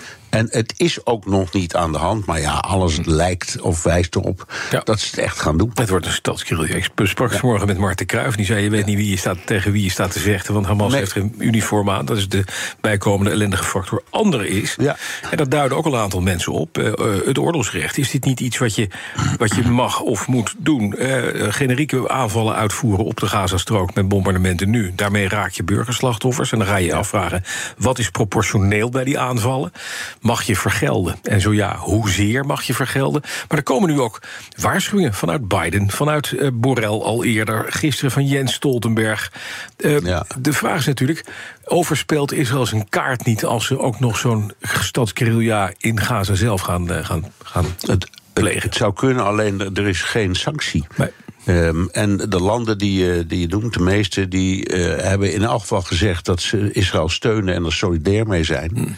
Eh, maar ze ontraden het, naar mijn idee, volkomen terecht. Eh, wel omdat, eh, ja, het, het is allemaal schending van het oorlogsrecht. Maar dat ge- geldt ook voor ehm, eh, strijders van Hamas die Israël binnentrekken en baby's onthoofden. Wat, wat is gebeurd, hè? Dus dit is één grote, ehm, ik zou maar zeggen, één, één grote misdaad over en weer. van een onvoorstelbare omvang. Ja, ja.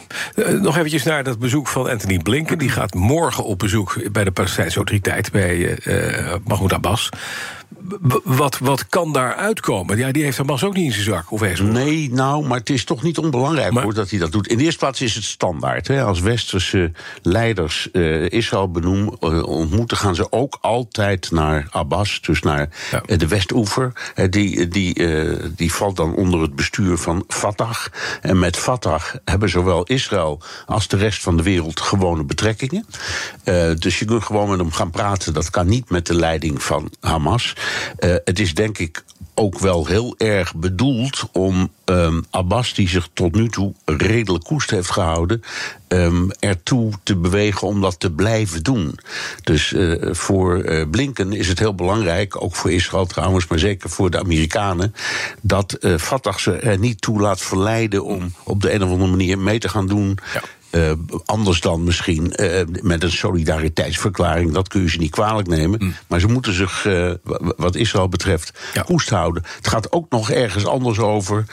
namelijk een, pogingen die worden gedaan om gesprekken op gang te krijgen, bemiddelingen. Daar, daar speelt Egypte een grote rol in. Daar speelt ook Abbas, denk ik, wel een rolletje in. En heel opmerkelijk, China bemoeit zich daar nu ook mee. Dat is voor het eerst. Ehm, dat riep eerst wat het altijd roept: wij kiezen, wij maken geen keuze in zo'n soort conflicten. Hou gewoon op het vechten. Eh, maar wij gaan niet vertellen wie er gelijk of ongelijk heeft. Eh, de, Blinken en maar ook anderen hebben de Chinezen daarvoor een standje gegeven. Zeggen: jongens, soms moet je dat wel doen. En de Chinezen hebben daar positief op gereageerd. Dus die hebben gezegd: wij bieden nu ook onze diensten aan om eventueel bemiddeling op gang te krijgen. Ja. Nog eventjes naar één een politiek ding. Netanyahu en, eh, en Benny is een grote rivaal, hebben een regering gevormd. Daar zit ook eh, eh, Galant in, de, de, de, de, huidige bevelhebber van het leger. M- maar niet, en die heeft je eruit gegooid, de extreemrechtse partij van Ben Gvir. En Lapid, de oppositieleider. Nee, het is een hele wonderlijke oplossing. Eh, het is wel praktisch. Er zitten trouwens ook nog ehm, van weerskanten eh, een stelletje adviseurs in dat kabinet. Dat is iets groter dan alleen drie mannen. Die drie mannen. Maar ja, als je strikt genomen zijn er nu twee kabinetten. Want het oude is niet onttakeld. Formeel moet het oude kabinet nog steeds toestemming geven voor dingen die het nieuwe kabinet eh, besluit. En dat Lapid niet meedoet, dat is reusachtig jammer. Want dat is de grootste, eh, in ieder geval meest invloedrijke oppositiepartij. En ook een klein beetje de vertegenwoordiging van, eh, ik zal maar zeggen, een beetje eh, de elite in Israël. Dus het, is, het zou heel belangrijk zijn als die zich zou hebben aangesloten. Maar die zegt, zolang Ben Gvir niet uit dat oude kabinet wordt verwijderd, dan kan ik dat dit niet doen. Ja, dat is ja. reusachtig jammer, want je moet ook eigenlijk over je eigen schaduw heen stappen in zulke omstandigheden. Maar goed, het is ook wel te begrijpen. Nog even naar Jan, jij bent in Polen. Polen waarschuwde direct dat de aandacht voor Oekraïne niet mag verslappen... nu er oorlog is in Israël. Eh, Zelensky zagen we gisteren, die plotsklaps afreisde naar Brussel. Ook daarom, om inderdaad te zeggen... jongens, wacht even. Wij hebben een conflict, daar moeten we het ook over hebben. Dat denk ik wel. Ja.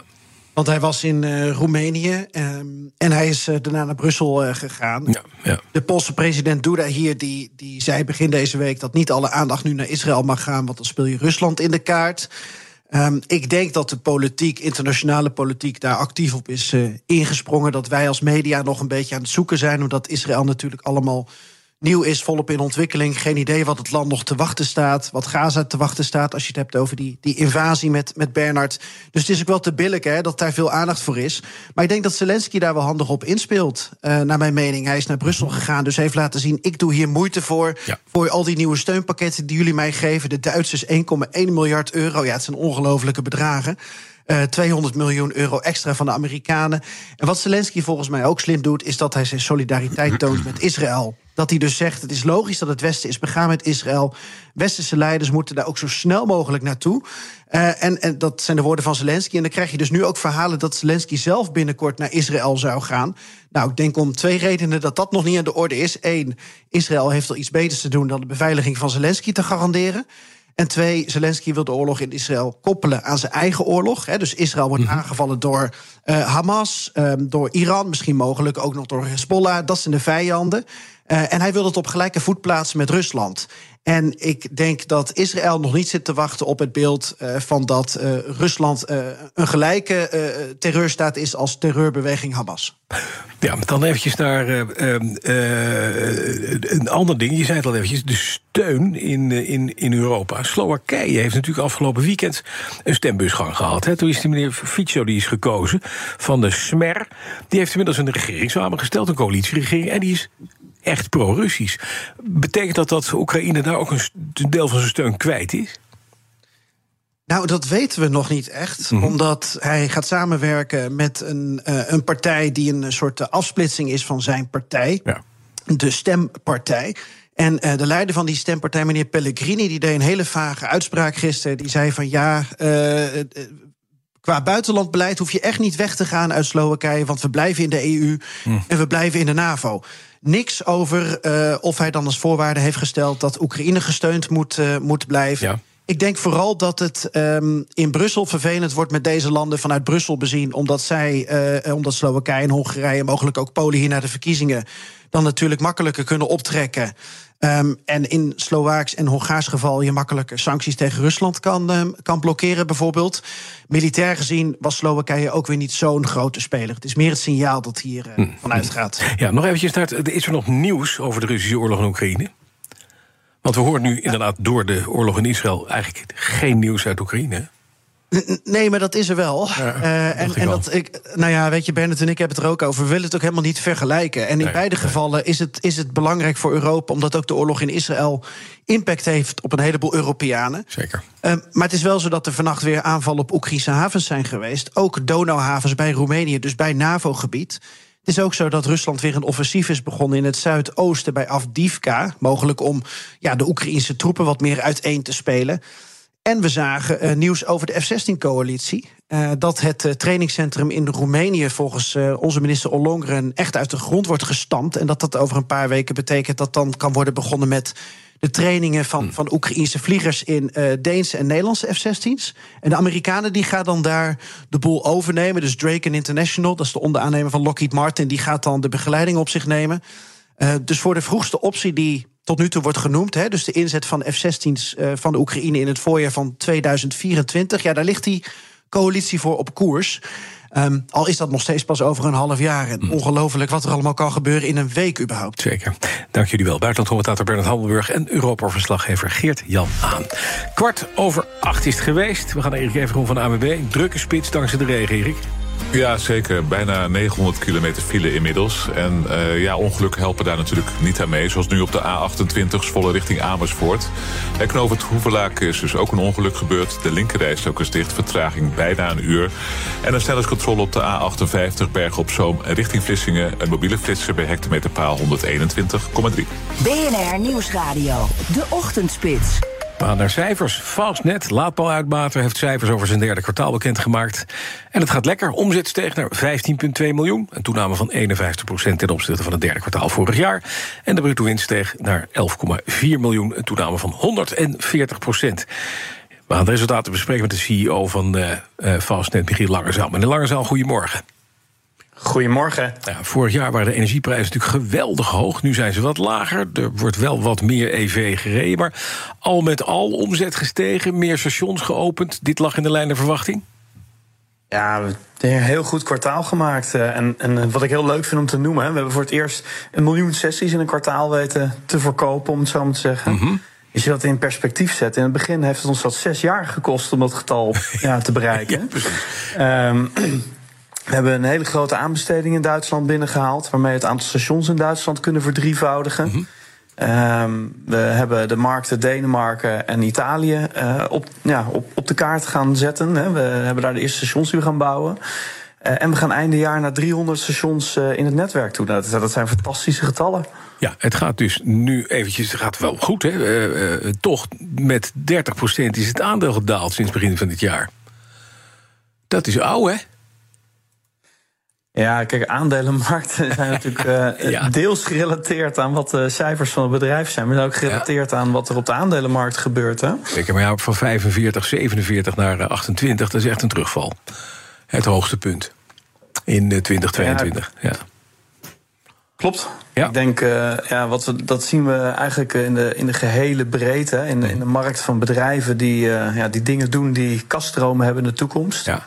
Uh, en de gestegen rente is daarvan uh, van toepassing. Ja. Dat is uiteindelijk wat dat drijft. Ja, toch, hè, ik denk dat er ook wat anders meespeelt. We zien het ook bij de Adjens van deze wereld. Uh, we zien dat de, de, de taart is groot en dat is prima. Iedereen probeert een stukje ervan te krijgen. Het wordt ook interessant. U heeft gewoon meer last van concurrentie. Dat heeft Adyen ook. Ja, dan moet je met veel meer, of dezelfde taart met meer, meer toetreders gaan delen. Is dat niet een probleem? Het is, het is toch ook een beetje zo dat de, de, de grootste partijen die de meeste marktmacht in een land heeft, die pakt uiteindelijk de markt, hè? Nou, weet ik niet. Want uh, wat ik zie bijvoorbeeld in Duitsland is natuurlijk dat we echt met, uh, met ja, de winst, om het zo maar te zeggen, uit die aanbesteding hebben, uh, zijn weggelopen. We hebben twee grote, zeer goede lots uit die, uit die tender weten, weten te krijgen. Um, en wat we ook zien is dat die tender weer een stuk competitiever is dan, dan een aantal jaar geleden. Mm-hmm. dus wat ik daar eigenlijk zie is eigenlijk het omgekeerde. Ja.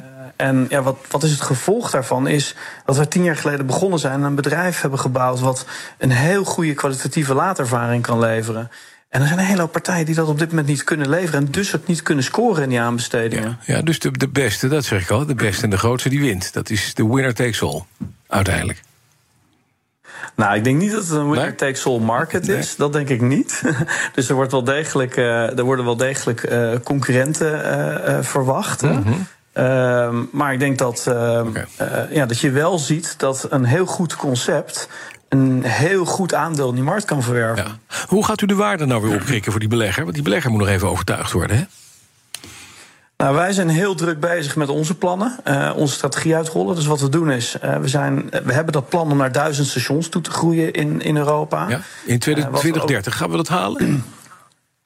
Nou, dat is het pad waarop we zitten. En, ja. en dat, dat lijkt ons uh, zeer haalbaar. Okay. Dat is één. Uh, twee is, uh, als we kijken naar die stations, dan bouwen we grote locaties op high traffic mm -hmm. ja, plekken. Um, dat leidt tot een, een hele goede business case. Hè. Um, nou, wat we zien is eigenlijk dat die stations op een pad zitten om richting een miljoen euro omzet in 2030 te gaan. Um, en daar hoort dan vervolgens een, een EBITDA-marge bij van ongeveer 40 procent. Hmm. En dat leidt tot een hele interessante business case. Ja. Ja, dat zou inderdaad de waarde moeten gaan opkrikken. Anderzijds, het punt is, je moet ook aangesloten kunnen zijn. Hè. Dat, daar heeft u ook best last van, want we hebben netcongestie, zo weten we. Gaat het allemaal goed komen, ook in het buitenland? Nou, we zien natuurlijk in Nederland zien we die netcongestie, uh, ja, de uitbouw van. Uh, wat stroomnet, stations wel wat, wat, wat bemoeilijker, ja, ja het stroomnet. Ja. Uh, in de andere landen zie je natuurlijk dat dat mogelijkerwijs afhankelijk van uh, ja, uh, hoe het energienet eruit ziet, zeg maar, meer of minder ook op een bepaald moment wel zou kunnen gebeuren. Ja, maar heeft u daar minder last van in Duitsland en Italië?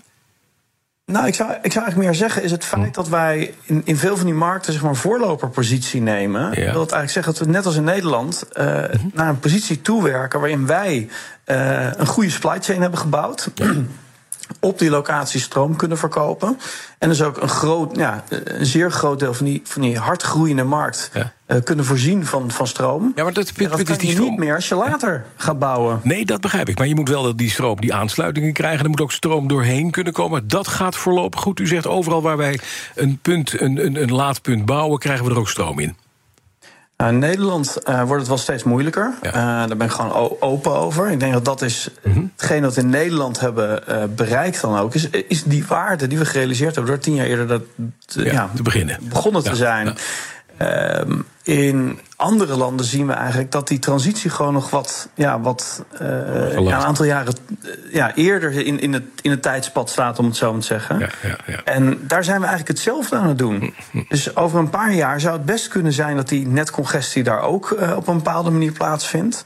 Nou, en dan hebben wij ook daar een goede positie op gebouwd. En ik denk, en als we kijken naar het licht van de een- ja, verkiezingen die eraan komen, ik denk dat Nederland ook echt keuzes moet maken. Ehm, we hebben een energienet. We willen eh, die transitie maken naar eh elektrische laden, eh, warmtepompen, zonnepanelen. Dan moet je ook investeren in dat energienet. dat is duidelijk. Nog even uit de andere als land een probleem op te lossen. Ja, duidelijk. Nou, het 22 november dat mogen we daarover gaan kiezen. Meneer Langersal, nog één ding. Want de discussie hebben we op dit moment in Nederland over hoe inzichtelijk het is om. Eh, eh, als automobilist, eh, als EV-rijder inzichtelijk te krijgen wat je betaalt aan de, zeg maar even een laadpaal, aan de pomp. Zoals we dat ook bij tankstations zien. Dat is niet inzichtelijk. Gaan, u, gaan jullie dat doen? Dat je weet wat een kilowattuurtje gaat kosten op het moment dat je staat te laden? Ehm, wat wij, wij vinden het sowieso ontzettend belangrijk, hè? transparantie over prijs. Dus we zijn er best heel erg druk mee bezig. We zetten om die reden ook de prijs, eh, om zo te zeggen, op onze pompen. Dus hij staat op die lader. Ja, ja precies. Ehm, op het moment dat mensen in de app kijken, staan, zijn we er ook duidelijk over wat die prijzen zijn. Ehm, het zou op termijn ook kunnen gebeuren dat, dat we bijvoorbeeld van die prijspalen gaan krijgen, eh, zoals we die bij benzinestations zien. Ehm, op dit moment doen we dat nog niet overal. We zijn dat steeds meer aan het doen. Ehm, bijvoorbeeld in Frankrijk gebeurt het al. Ehm, ik denk dat het een, ja, een heel goed iets is, omdat het duidelijkheid geeft. Duidelijk, ja, want dat vragen we ook om. En dat gaat er dus komen als het er nu ligt. Nou, ik denk, als we het in een breder perspectief stellen. Ik bedoel, eh, de markt wordt gevraagd om duidelijkheid over bijvoorbeeld de prijs van opladen. Ik denk dat, eh, kijken we weer naar de verkiezingen toe, is het ontzettend belangrijk dat het kabinet duidelijkheid geeft over wegenbelasting, over Ja, eh, de bijtelling. Want die uitblik, ik ga mijn elektrische auto rijden, ik wil er een kopen. Ehm, wat kost dat? Ja, Dat is heel belangrijk dat daar duidelijkheid over is. Dus eh, we zien dat als een, een belangrijke bottleneck om die mensen in die elektrische auto te krijgen. En daar dragen wij ons steentje aan bij. En ik denk dat het kabinet dat ook moet doen. Dank. Algemeen directeur van uh, Fastnet, Michiel Langezaal. Ja, en dan is er misschien nog een uh, wereld te winnen voor meneer Langezaal in Zweden. Want Stockholm ja. wil uh, Europa's meest ambitieuze milieuzone, zeg maar even milieuzone XXL. Vanaf 2025 mogen benzineauto's en dieselauto's het centrum van Stockholm niet meer in. Het gaat om een milieuzone van zo'n 20 woonblokken. Bestaat uit uh, grote winkelstraten. Uh, plekken met het duurste vastgoed van de wereld. En ja, ik zei het al, het is een van de meest extreme milieuzones in Europa. Dus en de Groenen hopen dat inwoners zo sneller overstappen op een elektrische auto. Want die mogen dus wel de stad nog in. Mm -hmm. Milieuzone gaat ook verder dan hoe wij hem kennen. Uh, het is niet dat ze naar bepaalde euronormen kijken. Dat je zegt alleen de meest vieze auto's die mogen er niet weer in. Nee, alles wat uh, rijdt op fossiele brandstoffen komt er niet meer in. Met uitzondering van hulpdiensten. Auto's van gehandicapten, die hoeven blijkbaar niet mee in de vaart der volkeren. En vrachtwagens met hybride motoren, die mogen ook nog naar binnen. Transportbedrijven zijn er, je kan het wel raden, niet bepaald blij mee. Volgens uh, TLN, Transport en Logistiek Nederland, maar dan dus in Zweden. TLZ, ja. Precies. Heeft Stockholm uh, veel te veel haast. Sinds 2010 is de uitstoot al met uh, bijna 35% gedaald. En dat gaat volgens hen snel genoeg, volgens die transportbedrijven. Maar het gemeentebestuur heeft besloten dat ja, met je auto, als je die rijdt op benzine of diesel, kom je er niet meer in vanaf 2025. Verdienen jouw medewerkers de beste HR-service? Wij vinden van wel. Numbers combineert payroll met slimme HR-features. Bespaar kosten en geef medewerkers eenvoudig toegang tot verlof, declaraties en loonstroken. Probeer Numbers op nmbrs.nl. BNR Nieuwsradio. De Ochtendspits. Bas van Merven. Het is vier minuten over half negen. Goedemorgen op deze donderdag, de 12 oktober 2023. Naast me zit Ivo Verrips. Goedemorgen, Bas. Het is buiten inmiddels licht. En we gaan even naar het laatste nieuws uit Israël... want er komt steeds meer eh, nieuws binnen. Vertel. Ja, dat is uh, doorlopen natuurlijk. Uh, berichten bijvoorbeeld uh, van het Israëlische leger... die zegt dat ze inderdaad voorbereidingen hebben voor een grondoffensief in Gaza. Nou, dat wisten we uiteraard al.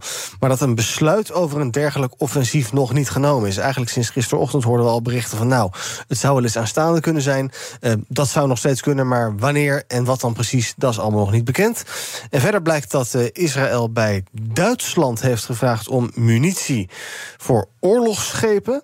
Dat uh, bevestigt de Duitse minister van Defensie Pistorius, die bij die NAVO-bijeenkomst in Brussel is. En ook heeft Israël toestemming gekregen om twee Duitse Heron-drones te gebruiken in de strijd. Die drones waren al in Israël. Israël heeft dus gevraagd van, joh, mogen we deze ook gebruiken voor onze eigen verdediging? Daar is dus toestemming voor gekomen. En verder, ja, er zijn heel veel berichten. Bijvoorbeeld dat um, het um, belangrijkste ziekenhuis in Gaza nog voor vier dagen aan brandstof zou hebben. En dan is het klaar. Uh, al dat soort zaken. Ja. De hele ochtend gaat het door met steeds berichten over wat daar, uh, wat daar nu gebeurt. Zeker. We zien bij de Gazastrook inmiddels dat er 300.000 reservisten zijn samengetrokken. Dat hebben de Israëli's daar neergezet. Dat zijn inderdaad reservisten van het leger. Mensen die uh, nog een pak thuis hebben. En die staan er met, met tanks. En de grote vraag is: komt er een grondoffensief inderdaad? Je zei het net, al eventjes, uh, er is nog geen besluit dus genomen over zo'n grondoffensief. Ik vraag, vraag me af in gemoede hoe je dat doet met tanks, want Gaza is helemaal volgebouwd. Je krijgt er echt in de stadskernen, of die, die vluchtelingenkampen die er zijn, zo'n canyon is of een, of een stad aan de, aan de kust daar, krijg je gewoon geen tank naar binnen. Die, dat kan niet. Nee, lijkt Dan moet je lopen. Dan moet je met mensen naar binnen. Ja. Tja. Nou, we houden je uiteraard op de hoogte van alles wat er gebeurt in Israël, voor zover dat kan. We gaan naar Amerika, want de nieuwe Speaker of the House namens de Republikeinen. Wordt dat Steve Scalise? Nou, dat is nog niet helemaal duidelijk. Het Amerikaans Huis van Afgevaardigden zou gisteren stemmen over zijn uh, kandidatuur. Uh, hij is uh, vice Speaker of the House op dit moment onder Kevin McCarthy, die weg werd gestemd vorige week nadat meneer Gates daar nog met Gates nogal wat, wat stemming over maakte. Maar gisteren dus een stemming die uitgesteld werd... omdat het niet zeker is of Scalise, die Steve Scalise uit Louisiana... dat wel zou winnen. Volgens correspondent David Hammelburg in New York... komt hij een aantal stemmen tekort. Het gaat alweer over de Freedom Caucus... die fanatieke rechtse vleugel van de fractie. Die hebben hun eigen kandidaat, Jim Jordan. En die zou nu waarschijnlijk vier of vijf stemmen krijgen. En dan haalt Scalise die uh, 217 stemmen die hij nodig heeft net niet. Het gaat dus om uh, verdeeldheid binnen de Republikeinse fractie... die haar uh, eigen meerderheid in het Huis van Afgevaardigden uh. En die Jimmy Jordan, die was de man die ook door Trump gestemd werd. Die ligt er dus helemaal af? Die is uit de race? Nou, niet helemaal. Uh, dat is natuurlijk wie de Freedom Caucus zelf wil kiezen. Uh, maar goed, uh, het, het, gaat er dus om dat, dat Scalise laten we zeggen, de gematigde man is binnen die fractie. Mm -hmm. uh, hij is vicevoorzitter van het huis, dus hij was de nummer twee na McCarthy, conservatief. Ja. Uh, maar wat meer in de traditioneel republikeinse zin. Geen man van de scherpe randjes. en eigenlijk best een goed compromis. Het vraagt, ik vraag me af of er één republikein is die de Freedom Caucus achter zich kan krijgen, tenzij uh, hij daar zelf onderdeel van uitmaakt. Maar dat is dan weer onaanvaardbaar voor de rest van de fractie. Ja. De, niet makkelijk wat er binnen die fractie gebeurt. Nee, nee. En het vervelende is, het hele politiek proces ligt natuurlijk stil op dit moment. Als er geen Speaker of the House is, dan worden er geen politieke besluiten genomen. En er is nu een oorlog in Israël. Is er ook enige urgentie, neem ik aan, bij die Freedom Caucus... bij die ultrarechtse kant van de Republikeinse Partij... om dit proces snel tot een goed einde te brengen?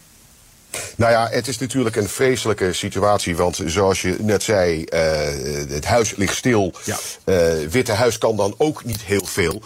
Uh, en ja, het, het, het, dit, dit, gaat weer aftellen. Hè. Misschien krijgen we die 15 uh, rondes die we in januari nog ja, zagen. McCarthy. toen McCarthy uiteindelijk hm. de, de, wel de stem kreeg. Het is een idiote toestand. Maar ja, zo werkt het nou in de Amerikaanse democratie. Ehm, wij doen, doen er wel eens negen maanden over om een kabinet te vormen. eh, dat eh, dezelfde samenstelling heeft eh, als de vorige kabinet.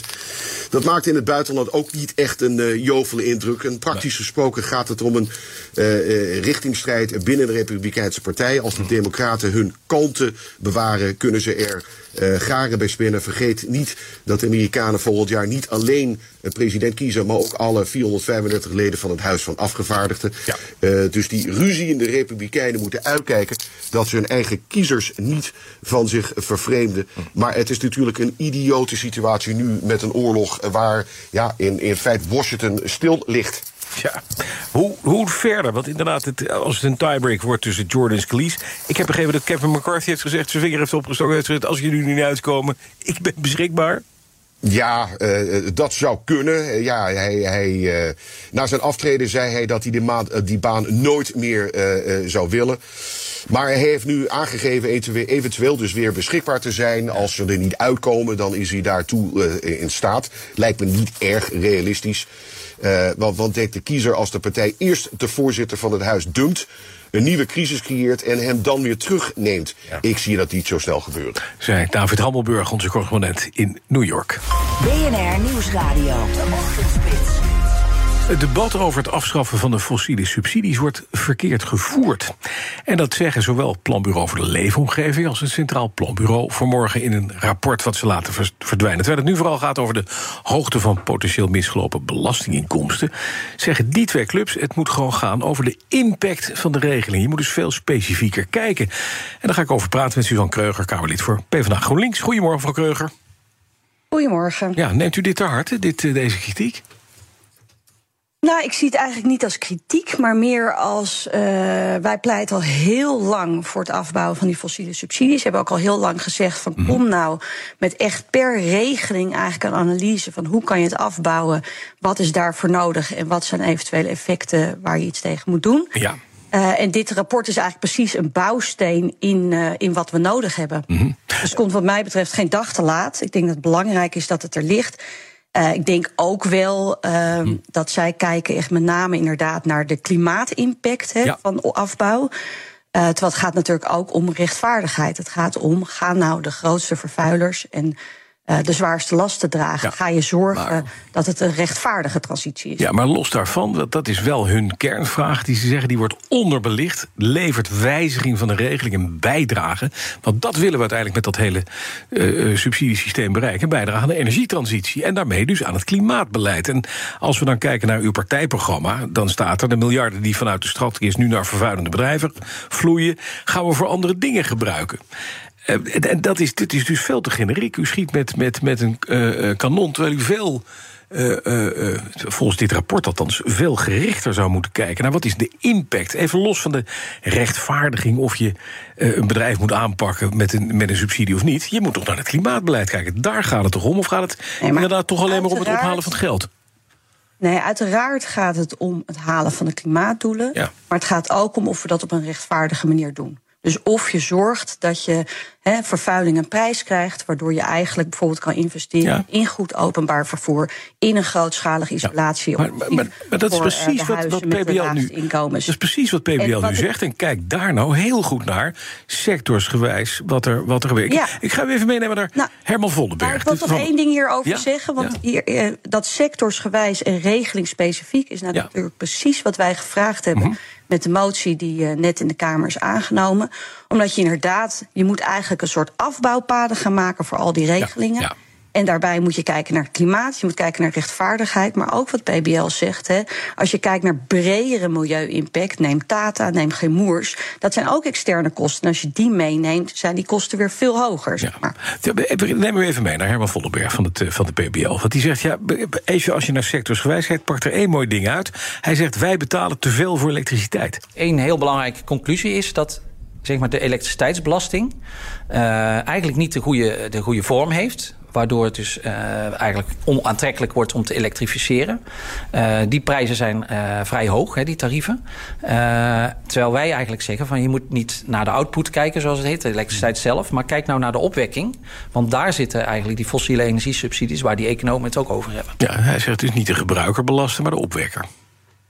Ja, wat Om maar een in voorbeeld het te rapport eigenlijk staat, is hè, van ga nou vooral kijken naar uh, uh, waar uh, gas, kolie en olie echt. kolen en olie. kolen en olie. En olie, ja, dat klinkt mooi. Ja, luitenant Waar dat echt een voordeel krijgt.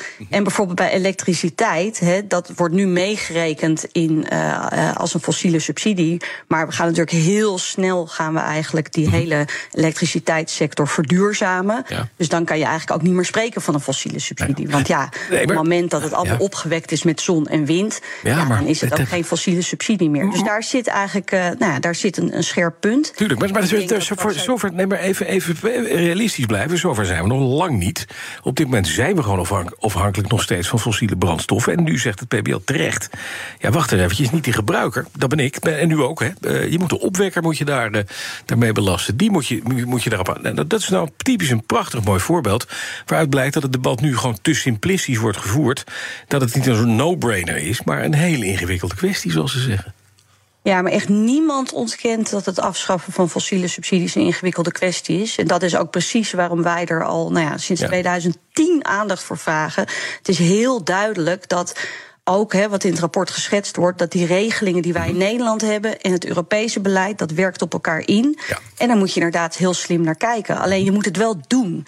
En ik denk wat er te lang is gebeurd, is voor je ons uitschuiven. Eerst werd er gezegd, er zijn helemaal geen fossiele subsidies. Toen ging het om 4 miljard. Nou ja, het blijkt gewoon om. om grote, hè, uh, flinke aantallen miljarden te ja. zijn, die eigenlijk onze economie een fossiele kant in duwen. En ik ben het er helemaal mee eens dat als je ze afbouwt, dat je dat slim moet doen. Ja, dat is uiteraard uh, het geval. En onderdeel ja. ook van de motie die we vorige week heeft uh, laten aannemen in de Kamer. Zeker. Duidelijk. Ja, zeker. We, zijn, we zijn het eens. Soekan Kreuger, Kamerlid voor PvdA GroenLinks. Dank u wel. Dat is ook wel eens anders. Dat wou ik zeggen. Erik Evengroen van de ABB. Hoe staat het erbij? Ja, het, uh, nog steeds druk. Nog altijd ruim 900 kilometer file op dit moment. En ongelukken zorgen er iedere keer voor de meeste vertraging. Nu op de A27, Almere richting Gorkum. Bij knooppunt Lunette gebeurde ook nog niet zo lang geleden een ongeluk. De linkerrijstrook is dicht, vertraging bijna een uur. En een snelheidscontrole op de A16, Breda richting Rotterdam... bij hectometerpaal 23,4. BNR Nieuwsradio, de ochtendspits. We gaan een kwartiertje openen met de beurs... en daarom gaan we vooruitkijken met onze analist. Vandaag is bij ons op donderdag altijd... Blik op de beurs. Wilbert Aarts van Bond Capital. Wilbert, goedemorgen. Goedemorgen, Bas. Hoe gaan we de AX zo meteen zien openen? Ik zie een future op 7,42, 0,6% hoger. Zo, dat is mooi. We komen inderdaad van 7,38. Waar gaan we met name op inzetten? Ik sprak vanmorgen met Giel Langezaal, CEO van Fastnet. Dat is uiteraard, ja, ja het is een small cap fonds. Uh, is enorm teruggevallen. Het aandeel is, is bijna de helft uh, afgewaardeerd... als je kijkt naar een jaartje terug, zo'n beetje. Ja. Uh, ja, ze zeggen, onze outlook is goed. We gaan veel beter in het buitenland. Uh, hij had nog niet echt een lekker verhaal op het, uh, het, het verhaal van hoe gaat het met netcongestie. Krijg je alles wel aangesloten. Maar gaan we daarop letten op die fonds? Als, als, nou, kijk, het, het aantal laadsessies, hè, het ja, afgelopen kwartaal uh, ja. 1 miljoen. Of ja, 1 miljoen laadsessies. Ja. 70% meer als, als het kwartaal ervoor. Alleen het aantal actieve klanten is 329.000, zeggen ze. Hoe vaak tank jij per, per kwartaal? Oeh, ja, maar ik tank niet elektrisch, hè? Nee, nee, nee, nee. Jij bent petrolhead. Nee, ja, maar bedoel, klopt, ja. Dus eigenlijk, eigenlijk zegt dat dat hun actieve gebruikers maar, maar drie keer per kwartaal zouden. Ja, dat is niet veel, hè? Uh, nee, dus dat moet omhoog. Nee. Dus ze moeten daar toch iets zorgen dat mensen niet thuis of op de zaak, maar toch even langs die laadstations gaan. Ja. Uh, maar ik ga er wel even naar kijken, want het zijn wel positieve cijfers. 51% meer omzet. Ja. Uh, winst is gegroeid, is positief. Alleen het aantal locaties moet omhoog. En ze hebben veel schulden. Ja, ja. Maar met name moeten ze in die, in die omzetting van het aantal... Uh, aantal Laadsessies omhoog. Precies, ja, precies. Dat moet omhoog. Dat Vaagron dan, dat, dat kwam ook met cijfers volgens mij. Heeft een omzetgroei van 23% gerealiseerd. Ja, is met name een club die in, in apothekersbedrijven in Amerika uh, goede zaken doet, hè? Ja, in Amerika hard gegroeid, 23% wat je zei. In Europa ja. maar 1,6%. En ze maken met name uh, voor uh, ziekenhuizen, apothekers en zorgstellingen op maat uh, producten. Bijvoorbeeld zalven en crèmes, ja. maar ook, ook andere producten. leuk bedrijf, genoteerd aan de AMX. Ik ben eigenlijk wel benieuwd vandaag wat er gaat gebeuren. Met name hard gegroeid in de VS dus. en ook zelfs in Zuid-Amerika. Ja. En ze hebben eigenlijk hun verwachtingen voor dit jaar qua omzet gehandhaafd. Hm. Uh, en ze maken procent of 7 à 9 meer winstverwachting dan vorig jaar. Okay. Positief. Wilbert, wat moeten we verder nog in de gaten gaan houden? Andere dingen?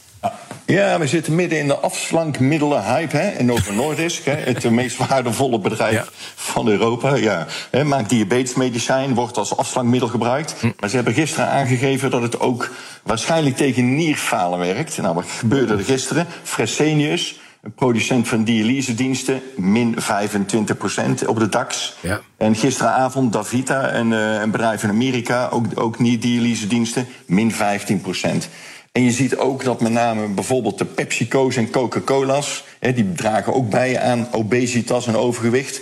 dat al dat soort bedrijven ook wat onder druk liggen. Dus eh, het is een hype, eh, maar je ziet, je ziet beweging op de markt en dat is interessant. Ja, zeker. Dankjewel. Analist bij Bond Capitals, Wilbert Aert. We gaan straks kwart over negen even kijken naar hoe de beurs er dan bij staat.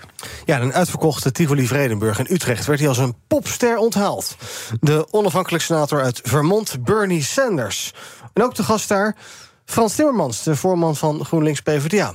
Sanders is op eh, tour in ons land om zijn nieuwe boek te promoten. Is niet van de tv te slaan. Dat boek heet Het is oké om kwaad te zijn op het kapitalisme. En Timmermans was er om campagne te voeren. En veel van die onderwerpen, ja, daar kunnen die twee elkaar best wel vinden. Zag onze verslaggever Michal van der Toorn. Het applaus barst los als de 82-jarige Amerikaanse senator Bernie Sanders in Tivoli-Vredenburg het podium opkomt. And I am announcing my candidacy for Prime Minister of Holland.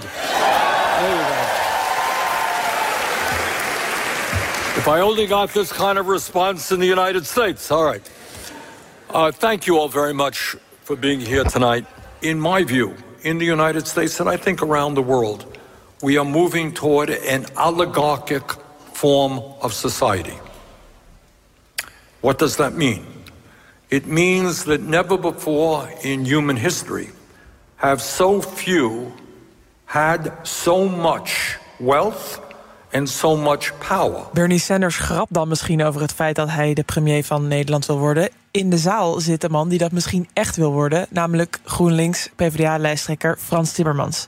Sanders gaat ook met hem in gesprek. En de thema's: minimumloon, bestaanszekerheid, klimaat en onder andere fossiele subsidies en vestigingsklimaat voor bedrijven. There is no longer, in many cases, national companies. They are international companies. And governments around the world, whether it is tax policy, you raise taxes in Holland, they're going to flee and go to another country. And they're going to put their money in a tax haven in Bermuda or the Cayman Islands. So this is where the entire global community is going to have to come together to tell them they got to pay their fair share of taxes, that they cannot continue to destroy the environment. What we have is a global problem which has gone beyond national politics in many respects. Bernie Sanders is, zoals we van hem gewend zijn en de titel van zijn boek verraadt, boos. Maar hoe boos is Frans Timmermans eigenlijk? I'm angry because uh, we're facing a climate crisis that is going to affect the weakest in our society. And the right is now selling the anti climate policy, pretending they care about the weakest in society. I'm angry about that. It's hypocritical. Uh, I'm angry about the fact that so many people in this country, especially young people, can't find any housing and have no prospect of finding housing. I'm angry that in this richest, one of the richest countries on this planet, 800,000 people live in poverty. Uh, and that's simply unacceptable. And that, that's why I fully share Senator Sanders' agenda. Dat klinkt toch verdacht veel als verkiezingsretoriek. Het zal ook wel geen toeval zijn dat de eerste twee rijen zijn gereserveerd voor de partijtop van GroenLinks en PvdA. Onder andere in de zaal Agnes Jongerius, Europarlementariër namens de PvdA. Hoe heeft zij naar de twee mannen geluisterd? Ja, geweldig inspirerend. Eigenlijk ook om te zien hoe uh, zowel Bernie als Frans eigenlijk nu zo duidelijk... Ja, wij noemen dat tegenwoordig allemaal bestaanszekerheid. Uh, maar eigenlijk gaat het erover, jongens, als mensen niet zeker kunnen zijn van hun inkomen. Uh, ik uh, hoorde Sanders zeggen, 60% van de mensen leeft van paycheck naar paycheck. Als dat je situatie is, dan kan je niet dromen over een beter leven. Dus we moeten daar iets aan veranderen. Willen we ook de andere zaken aanpakken. En ik vind het mooi dat uh, Frans deze agenda eigenlijk één op één overneemt. In hoeverre was het nou een beetje een campagnepraatje voor, of een campagnemoment voor Frans Timmermans? Nou, dan ken je denk ik Frans niet. Uh, want uh, als hij dit eh, zegt belangrijk te vinden, dan gaat hij er ook eh, absoluut voor de volle 100% eh, voor. Ik heb het vijf jaar geleden gemerkt eh, bij de campagne voor het Europese parlement. Toen heeft hij campagne gevoerd op minimumlonen moeten omhoog. Dat heeft ertoe geleid dat er een voorstel op tafel eh, kwam. En ik heb in Europa de bal kunnen intikken. Ehm, Frans, als hij zegt dat hij iets gaat doen, dan gaat hij het ook doen. Nou, dat belooft wat voor de verkiezingen. Had u eh, eh, Bernie Sanders nog een vraag willen stellen? Eigenlijk wel, maar ik had eigenlijk ook wel heel graag met hem op de foto gewild. Maar ja, nou is hij van het podium af, dus... Ja, hij rende wel als een popster. Ja, zeker wel, toch? Dat, zeg maar, dat is toch eigenlijk een foto die je graag in je fotoalbumpje wil hebben, maar helaas. Ja. 82 is Bernie Sanders. Agnes Jongerius verder de popster. Een verslag van Michiel van der Toorn. Eh, presidium, fractieondersteuners. De vergadering van de Provinciale Staten Overijssel... werd eh, gisteravond regelmatig geïnterpreteerd. Onderbroken bedoel je, denk ik? Ja. Ja, twee actievoerders waren Mhm. aanwezig. Commissaris van de Koning, Andries Heidema, die gaf een speech. En die actievoerders die zaten op het, eh, de publieke tribune. En die drukten op een belletje. Laat maar even horen, belletje. Ja, dat belletje dat klinkt zo dus. ping. Om een actie te vragen voor, eh, eh, aandacht te vragen voor laaggeletterden in Overijssel. Want, en het is natuurlijk ook zo, in de vergaderingen en ook in documenten bij allerlei politieke instanties worden heel veel moeilijke woorden gebruikt. Allerlei jargon. En bij elk belletje dat klonk, nam Heidema dan de tijd om uit te leggen wat het woord of de zin die hij uitsprak betekende. Na afloop van zijn eh, speech vroeg hij de fracties om re toespraak vroeg hij de, fractie, de groepen mensen om rekening te houden met laaggeletterde en simpelere woorden te gebruiken. In Overijssel. Ja, Overijssel. Provincie. provincie. Wonen meer dan 100.000 laaggeletterden. De provincie heeft eh, geld uitgetrokken om hen te helpen om dit probleem dus op te lossen. En ja, op, ja, nou, jij bent wel heel laag. Nou, goed. Ja, oké. Verdienen jouw medewerkers de beste HR-service? Wij vinden van wel. Numbers combineert payroll met slimme HR-features. Bespaar kosten en geef medewerkers eenvoudig toegang tot verlof, declaraties en loonstroken. Probeer Numbers op nmbrs.nl. Heb jij de BNR-app al? Met breaking news en de podcast Napleiten. Download de app BNR Nieuwsradio. De Ochtendspits. Bas van Werven. Vijf over negen, het laatste uurtje van deze ochtendspits is begonnen. Ivan? Dag Bas. Donderdag 12 oktober 2023. Buiten is het waardeloos weer, 15 graden. Het regent. Eindelijk hebben we oktober. Ja, ja gelukkig. We gaan eventjes naar de minder leuke dingen in zijn levens. Het Israëlisch leger heeft de hele nacht bombardementen uitgevoerd op de Gazastrook. En daar is inmiddels het dodental tot 1200 gestegen, meldt het Palestijns ministerie van Volksgezondheid. En ook in Israël ligt het dodental inmiddels op 1200. Er zijn 5900 gewonden gevallen. Maar Israël is uit op wraak. En welke vorm dat gaat aannemen, beslist de regering van Nationale Eenheid, die Benjamin Netanyahu in het leven heeft geroepen vandaag, zegt David de Jong. Midden-Oosten-correspondent voor het FD in Tel Aviv. Het mandaat van dit oorlogskabinet is om het, het leger te voeren in oorlogstijd. En ze hebben geen mandaat om wetten door te voeren of om hervormingen, omstreden hervormingen die premier Netanyahu's vorige kabinet had voorgesteld. Het wordt geleid dus door premier Benjamin Netanyahu, door minister van Defensie Yoav Gallant en door Benny Gantz, de oppositieleider en de voormalig minister van Defensie en de voormalig opperbevelhebber van het Israëlische leger. En Gallant heeft gisteren gezegd. Wij gaan eh, Hamas van, ja, van de aarde wegvagen. Dat is, het, dat is het doel van het oorlogskabinet. Dat is hun missie. Ja, Hamas van de aarde wegvagen. Mogelijk met een grondoffensief. Maar ja, dat is toch behoorlijk lastig en ook een behoorlijk dilemma. Zegt voormalig commandant der landstrijdkrachten Marten Kruijf. Als jij eh, Gaza binnen eh, wilt, dan heb je gewoon heel veel mensen nodig. Het heeft te maken met het soort gevecht. Als je vecht in oorden en steden, dan moet je elke kamer, elk hokje, elke tunnel, moet jij, we noemen dat zuiveren, moet je veroveren en eh, vrijwaren van vijand. Dat is ontzettend intensief. Daar heb je heel veel mensen voor nodig. Dat doe je niet zomaar. En het dilemma wat Israël heeft is, ja, we kunnen het luchtwapen inzetten en dat doen ze ook. Maar dan weet je nooit zeker of je de goede doelen treft. Bovendien, dan raak je ook burgers. En als je de leiders echt wilt hebben, maar ook tunnels wilt ontmantelen en dat soort dingen, dan moet je de Gaza in. Maar dat is een heel intensief gevecht. Precies, dat is een stadsguerrilla. breken- Ja, precies. Als je Hamas wilt breken, echt en langdurig, dan is de vraag: kun je dat wel zonder überhaupt Hamas eh, of eh, eh, Gaza in te gaan? En, en dat is het dilemma wat Israël eh, nu heeft. Doen we het simpel op afstand, maar waarschijnlijk minder effectief? Of doen we het structureel en met massa en met meer verlies? Ja, zo'n grondoffensief dat heeft twee belangrijke nadelen, zegt de Kruif. Eh, je weet niet precies wie jouw vijand is, want die draagt geen uniform. En je vecht niet op je eigen terrein. Je vecht op het terrein van jouw tegenstander. Elk eh, hoekje, eh, stegje, weegje, eh, steegje kent. Dan heb je gewoon een probleem. Maar ja, als de staat Israël in de wortel is aangetast en bedreigd... de vraag is, wat ga je dan doen? En dat is het dilemma waarvoor ze staan. Het zou ook zijn dat ze een soort combinatie kiezen. Dus een gedeelte van Gaza heroveren. Ja, al dus eh Marten Kruijf. Maar wat mag Israël? Oog om oog, tand om tand is in ieder geval geen regel meer in het oorlogsrecht. Dat was het eh, onder de Romeinen. Toen heette dat Talio.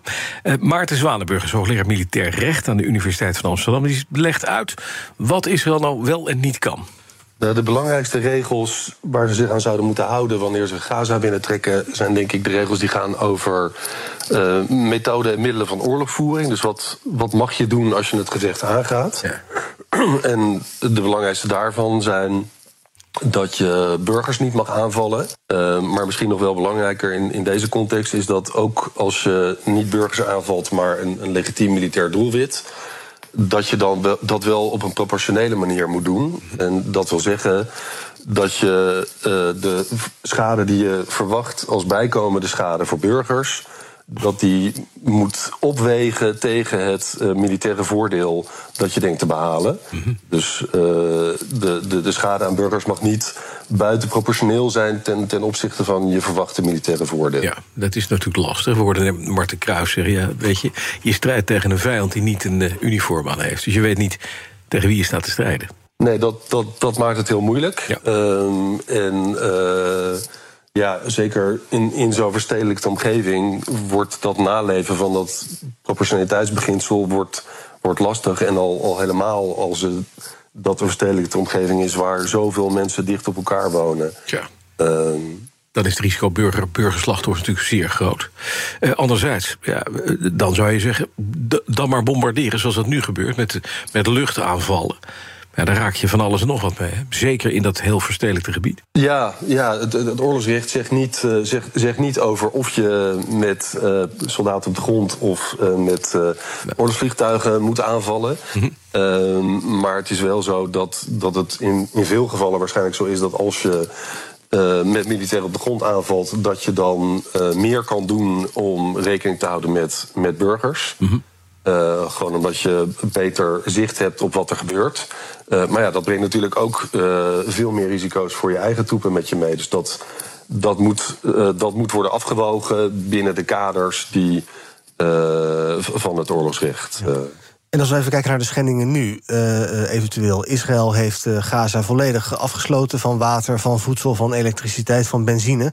Is dat nu al een schending? Is dat nu al aan de hand? Dat, dat, zou het dat zou het duidelijk zijn wanneer Israël de bezettende mogendheid zou zijn in Gaza. Dat klinkt misschien gek, want ze hebben daar nu geen troepen. Maar de VN bijvoorbeeld, die zegt ja, Israël zat ooit met troepen in Gaza, is daar weggegaan, maar controleert eigenlijk nog steeds de grenzen en alles wat daar gebeurt door de middelen die ze hebben. Ehm, en als je eh, Israël als bezettende mogendheid ziet, dan heeft Israël de, de verantwoordelijkheid om eh, te voorzien in de basisbehoeften van de bevolking daar, als ze daar zelf niet in kunnen voorzien. En dan is het afsluiten is duidelijk in strijd daarmee. Ehm, als je Israël niet als bezettende mogendheid ziet, dan hebben de strijdende partijen nog steeds de verplichting om humanitaire hulp voor burgers in nood door te laten. Ook al is het naar burgers in, eh, in het gebied van de vijand. Ja, nu, nu even vanuit de oude gedachte van, zoals de Romeinen dat mooi noemen, talio, oog om oog, tand om tand, in een oorlog. Hoe ver mag dat? Want we hebben die verschrikkelijke aanval gezien van Hamas op Israëlische burgers. Dit zeer bewust burgerdoelen ook getroffen.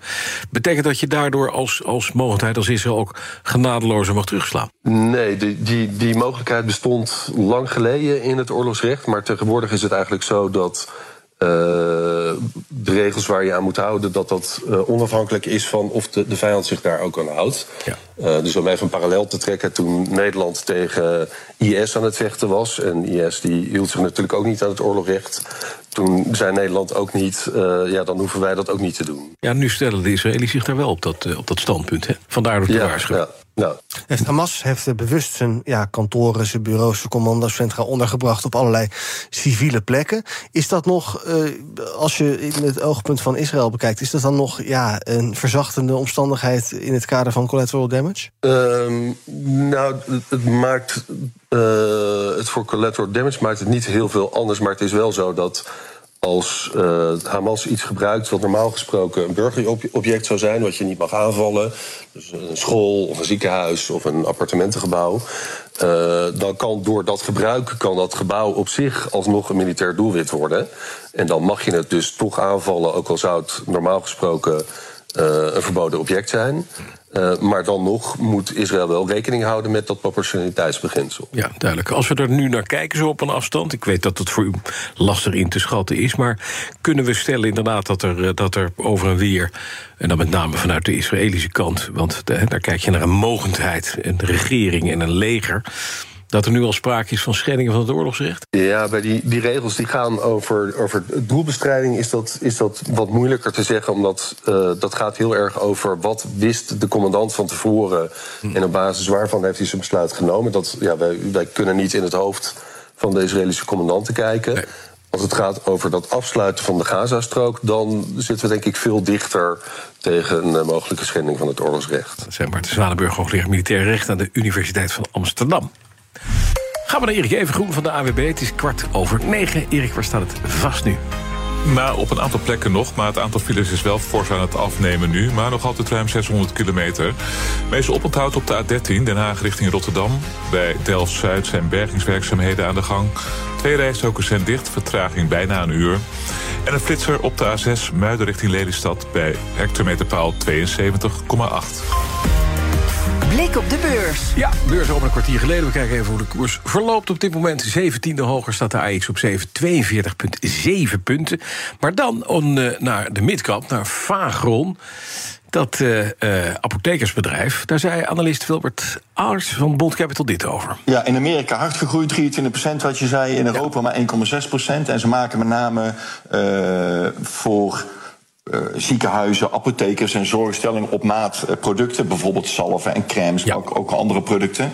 Uh, leuk bedrijf, genoteerd aan de AMX. Ik ben eigenlijk wel benieuwd vandaag wat er gaat gebeuren.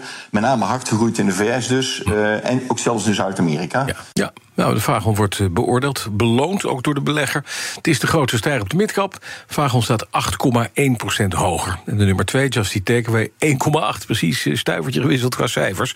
Maar het wordt dus goed beoordeeld. Met name dus gegroeid inderdaad in Amerika en Zuid-Amerika. En dan kwam Fastnet vanmorgen ook met cijfers. Het laatste infrastructuurstation, een small cap fonds. En Fastnet staat op dit moment op een winst van 3,9% Is de grootste stijger op de, op de small caps. En uh, uh, wat dat betreft ook mooi. Fastnet heeft gezegd dat ze mooie vooruitzichten boeken. Dat ze veel uh, nieuwe laadsessies hebben gehost van hun 1 miljoen gebruikers. Namelijk 329. Dus drie keer per kwartaal komen mensen daar tanken. Dat is niet vaak rijden. Dat is niet veel, maar in ieder geval, ze maken er goede winst op. Dus wat dat betreft ook mooi. 4,2% hoger, vastnet op dit moment. Dan kunnen iedereen die zich bezighoudt met uh, computerbeveiliging een uh, nieuwe baan gaan zoeken. Want TNO zegt, cyberveiligheid zouden we volledig uit handen moeten geven aan kunstmatige intelligentie. Vooral bij banken en bij andere cruciale Nederlandse bedrijven. Dat schrijft de Financiële Telegraaf vandaag. Jaarlijks zijn duizenden bedrijven slachtoffer van ransomware. En ja, allerlei bedrijven doen hun best om dat op tijd te detecteren, om dan snel en op de juiste manier in te grijpen. Maar TNO zegt ja, het gaat zo ontzettend snel. Er is ook zo ontzettend veel data voor nodig om op tijd te kunnen zijn. En dat kunnen wij mensen gewoon allemaal niet bijbenen. En dus moet daar een computersysteem voor bedacht worden. Sterker nog, dat hebben ze al gedaan. Dat heet uh, uh, Athena. Dat is een zelflerend en zelfherstellend systeem dat verschillende taken kan uitvoeren. Nu nog in concept, maar samen met financiële instellingen en toeleveranciers wordt eraan gewerkt om dat dus verder uit te werken. En dat gaat nog wel een tijdje duren voor het er is. Dus je hoeft niet acuut per volgende maand op zoek naar een nieuwe baan. En ook zal een mens wel enigszins betrokken blijven, want ja, dat systeem moet ontworpen worden. Dat doen mensen doorgaans. En daar moet ook allerlei data in gestopt worden. En dat doen mensen doorgaans ook. Maar uiteindelijk zegt TNO dus van ja, dat hele cyberbeveiliging, dat zou wel eens voor een groot deel een AI-bezigheid kunnen worden. Crypto-update. We gaan naar Herbert Blankenstein, presentator van BNR's Cryptocast... ons programma over bitcoin en andere digitale coins. Herbert, goedemorgen. Mocht heren. Ja, dan het proces tegen Sam Bankman-Fried domineert het crypto-nieuws. De Bernie Madoff van uh, deze tijd. Uh, gisteren een hele belangrijke verklaring van zijn ex-vriendinnetje... die mevrouw Allison. En die zei, ik heb ja. zeven keer een uh, balance sheet gemanipuleerd... waarop ik miljoenen of miljarden dollars wegsluisde. Nou, het dat gaat, bijvoorbeeld. Het gaat niet helemaal goed, hè? Daar met Sam Bankman-Fried. Nee, nee, nee. nee. Uh, als we nou even chronologisch bekijken. Het begon deze week met de getuigenis van Gary Wang. Ja. Uh, belangrijke figuur, want hij was medeoprichter van FTX. Hij was ook groot aandeelhouder. En hij schreef de software waar die hele cryptobeurs op draaide. En één saillant detail is... niemand anders wist ook maar iets van die software. Het enige wat iedereen wist was dat die werkte. Ja, en die deed een paar vreemde dingen, die eh, software. Uh, Alameda, het zusterbedrijf, kreeg daardoor bijna gewoon unlimited mileage. Onbeperkt krediet. Ja, ja, ja, ja, Alameda had een rekening bij FTX... Uh, en bij FTX God voor alle klanten dat als uh, het erop leek dat ze in de min zouden komen te staan, dan werd die positie geliquideerd. Het ging om futures en zo, mm -hmm. derivaten. Um, voor Alameda gold dat alleen niet. Uh, Wang die heeft verteld dat hij in opdracht van Sam Bankman-Fried een paar regels code heeft geschreven en die kwamen neer op negatief is gelijk aan nul. Computer says yes. Negatief saldo moest worden genegeerd. En op die manier kreeg Alameda een soort doorlopend krediet. En dat werd allemaal hoger ingesteld. Totdat het uiteindelijk uh, 65 miljard maximaal was. Waarbij dan de feitelijke schuld uiteindelijk 11 miljard is geweest. En dat was dan allemaal ten nadele van gewone klanten van FTX. Want die hadden zo'n voorkeursbehandeling niet. Hmm. En Wang zei natuurlijk erbij dat hij het deed omdat hij het oordeel van Sam vertrouwde. Want ja, hij is getuige à charge, zoals dat heet. Hij is uh, van de aanklager, dus dat moest er even bij. Ja, het kon nog gekker, geloof ik, Herbert. Want er was een verzekeringsfonds waar allerlei rare dingen mee gebeurden. Ja, ook en als klanten uh, verliezen leden op hun futures, dan moesten ze geld bijpassen. Hè, zo gaat dat. Uh, dan verlies je. Uh, dat verzekeringsfonds, dat was er uh, als een buffer voor als er klanten waren die dan in gebreken bleven, hè, die niet betaalden. Ja. En dat was niet om die klanten te redden, maar om moeilijkheden bij de beurs zelf te voorkomen, bij FTX. Mm -hmm. Dus dat was er ook om vertrouwen te wekken bij de klanten. Ons kan niks gebeuren, want we hebben dat fonds. Elke dag werd er een bedrag gepubliceerd hoeveel geld er in dat fonds zat. En Wang vertelde dat hij daar ook code voor maakte. Ja. Dat was een programmaatje dat nam elke dag het handelsvolume, want je moet ergens mee beginnen. Vermenigvuldigde dat met een willekeurig getal in de buurt van de 6500, want daar kwam er wat leuks uit. Hè? En dat werd gepresenteerd als die reserve. Maar dat was dus een compleet verzonnen bedrag. Absoluut, het was gewoon een groot verzekeringsfonds. Ja, dat is ongelooflijk. Ja. Dan nog even inderdaad naar die Carol, Carolyn uh, Allison. Ja. CEO van Alameda, ex van SBF. Uh, ja, de, de, rare dingen die ze vertelde. Maar ook opvallend over Thaise prostituees. Ja, ja, ja die uh, kwamen ook voorbij. Ja. En dan denk je natuurlijk meteen, en de luisteraars met jou... nou, dat zal dan wel zijn geweest voor een vrolijke avond... of een ja. paar vrolijke Mhm. avonden. Nee, daar ging het niet om. Die waren er uh, om hun identiteit te lenen voor nep-accounts... Ja. En daarmee werd dan geld van Alameda teruggehaald van de exchanges Huobi en OKX. Want op een andere manier ging dat niet, er was een blokkade. Um, ander mooi verhaal was een omkoopbedrag van 150 miljoen voor één Chinese ambtenaar. Ja, dat is toch ook een rode draad door het verhaal bij FTX. Elk bedrag kreeg een paar nullen extra, een soort FTX-inflatie. Um, maar goed, uiteindelijk de heftigste beschuldiging aan, F, aan SBF in de getuigenis van Ellison is dat ze zegt dat ze in zijn opdracht, de, wat jij al vertelde, de balans van Alameda heeft vervalst. Ja. Waarop dan miljarden ontbraken aan klantengeld dat van FTX was geleend. En die, dat overzicht was dan weer voor Genesis, een bedrijf waar ze contacten mee hadden. En uh, dat zelf intussen ook failliet is, zoals je weet. Ja, ja en uh, dit allemaal ook ter belasting van SBF, want ook Allison is getuige à charge. En dan midden in al het geweld lezen alle waarnemers het boek van journalist Michael Lewis over die zaak. En jij ook, neem ik aan? Ja, klopt. En uh, Lewis, ja, hoeveel geluk kun je hebben als journalist? Uh, hij was SBF al maanden aan het volgen. Mm -hmm. Uh, want SBF was de, de wonderondernemer. En toen brak de hel los. En uh, ja, Lewis met zijn neus in de boter. Zijn verhaal past goed in dat van de verdediging, uh, valt op. Sam is in zijn boek een hyperintelligente, een, een licht autistische en ook best wel een naïeve nerd. En hij werkt zich steeds verder in de nesten van zijn argeloosheid. Uh, ook al is hij van goede wil. Want hij wil van meet af aan al zijn rijkdom weggeven. Dat verhaal ken je waarschijnlijk wel. Mm -hmm. um, in zijn boek wordt duidelijk dat dat echt waar is. Uh, want bij FTX nam hij eigenlijk vooral mensen aan die diezelfde weggeefideologie hadden. Effective altruism. Um, maar Lewis ziet ook de domheid van Sam, hoe hoogbegaafd hij ook is. Uh, die zit tijdens belangrijke besprekingen gewoon te gamen. En hij doet eigenlijk op geen enkel moment moeite om een serieus bedrijf op te bouwen. Het boek heet Going Infinite. Spreekt Lewis ook een schuldig of onschuldig uit? Want hij gaat dus op de stoel van de verdediging zitten. Uh, ja, en niet op de stoel van de rechter, heel nee. duidelijk. Um, maar hij, hij, stelt wel vast dat er intussen al, is ook wel in de pers geweest trouwens, zoveel geld is teruggevonden dat waarschijnlijk alle schuldeisers al hun geld kunnen terugkrijgen. Mm -hmm. Dus dan zou je zeggen, niemand heeft schade gehad. Waar hebben we het nog over? Maar um, dat is uh, natuurlijk toch ook weer uh, juridisch een beetje anders. Als je gokt ja. met geld van klanten en dat pakt goed uit... dan wordt het gokken met geld van klanten op die manier nee, niet legaal. Blijft gokken. Uh, ja, en dat is dus de reden dat de rechter bepaalde getuigenissen... over dit onderwerp niet eens toelaat. Hm. Nou, dus daar staan we nu. Ja. En intussen gaat dat proces gewoon door. Dit was nog maar de eerste dikke week. Ja, precies.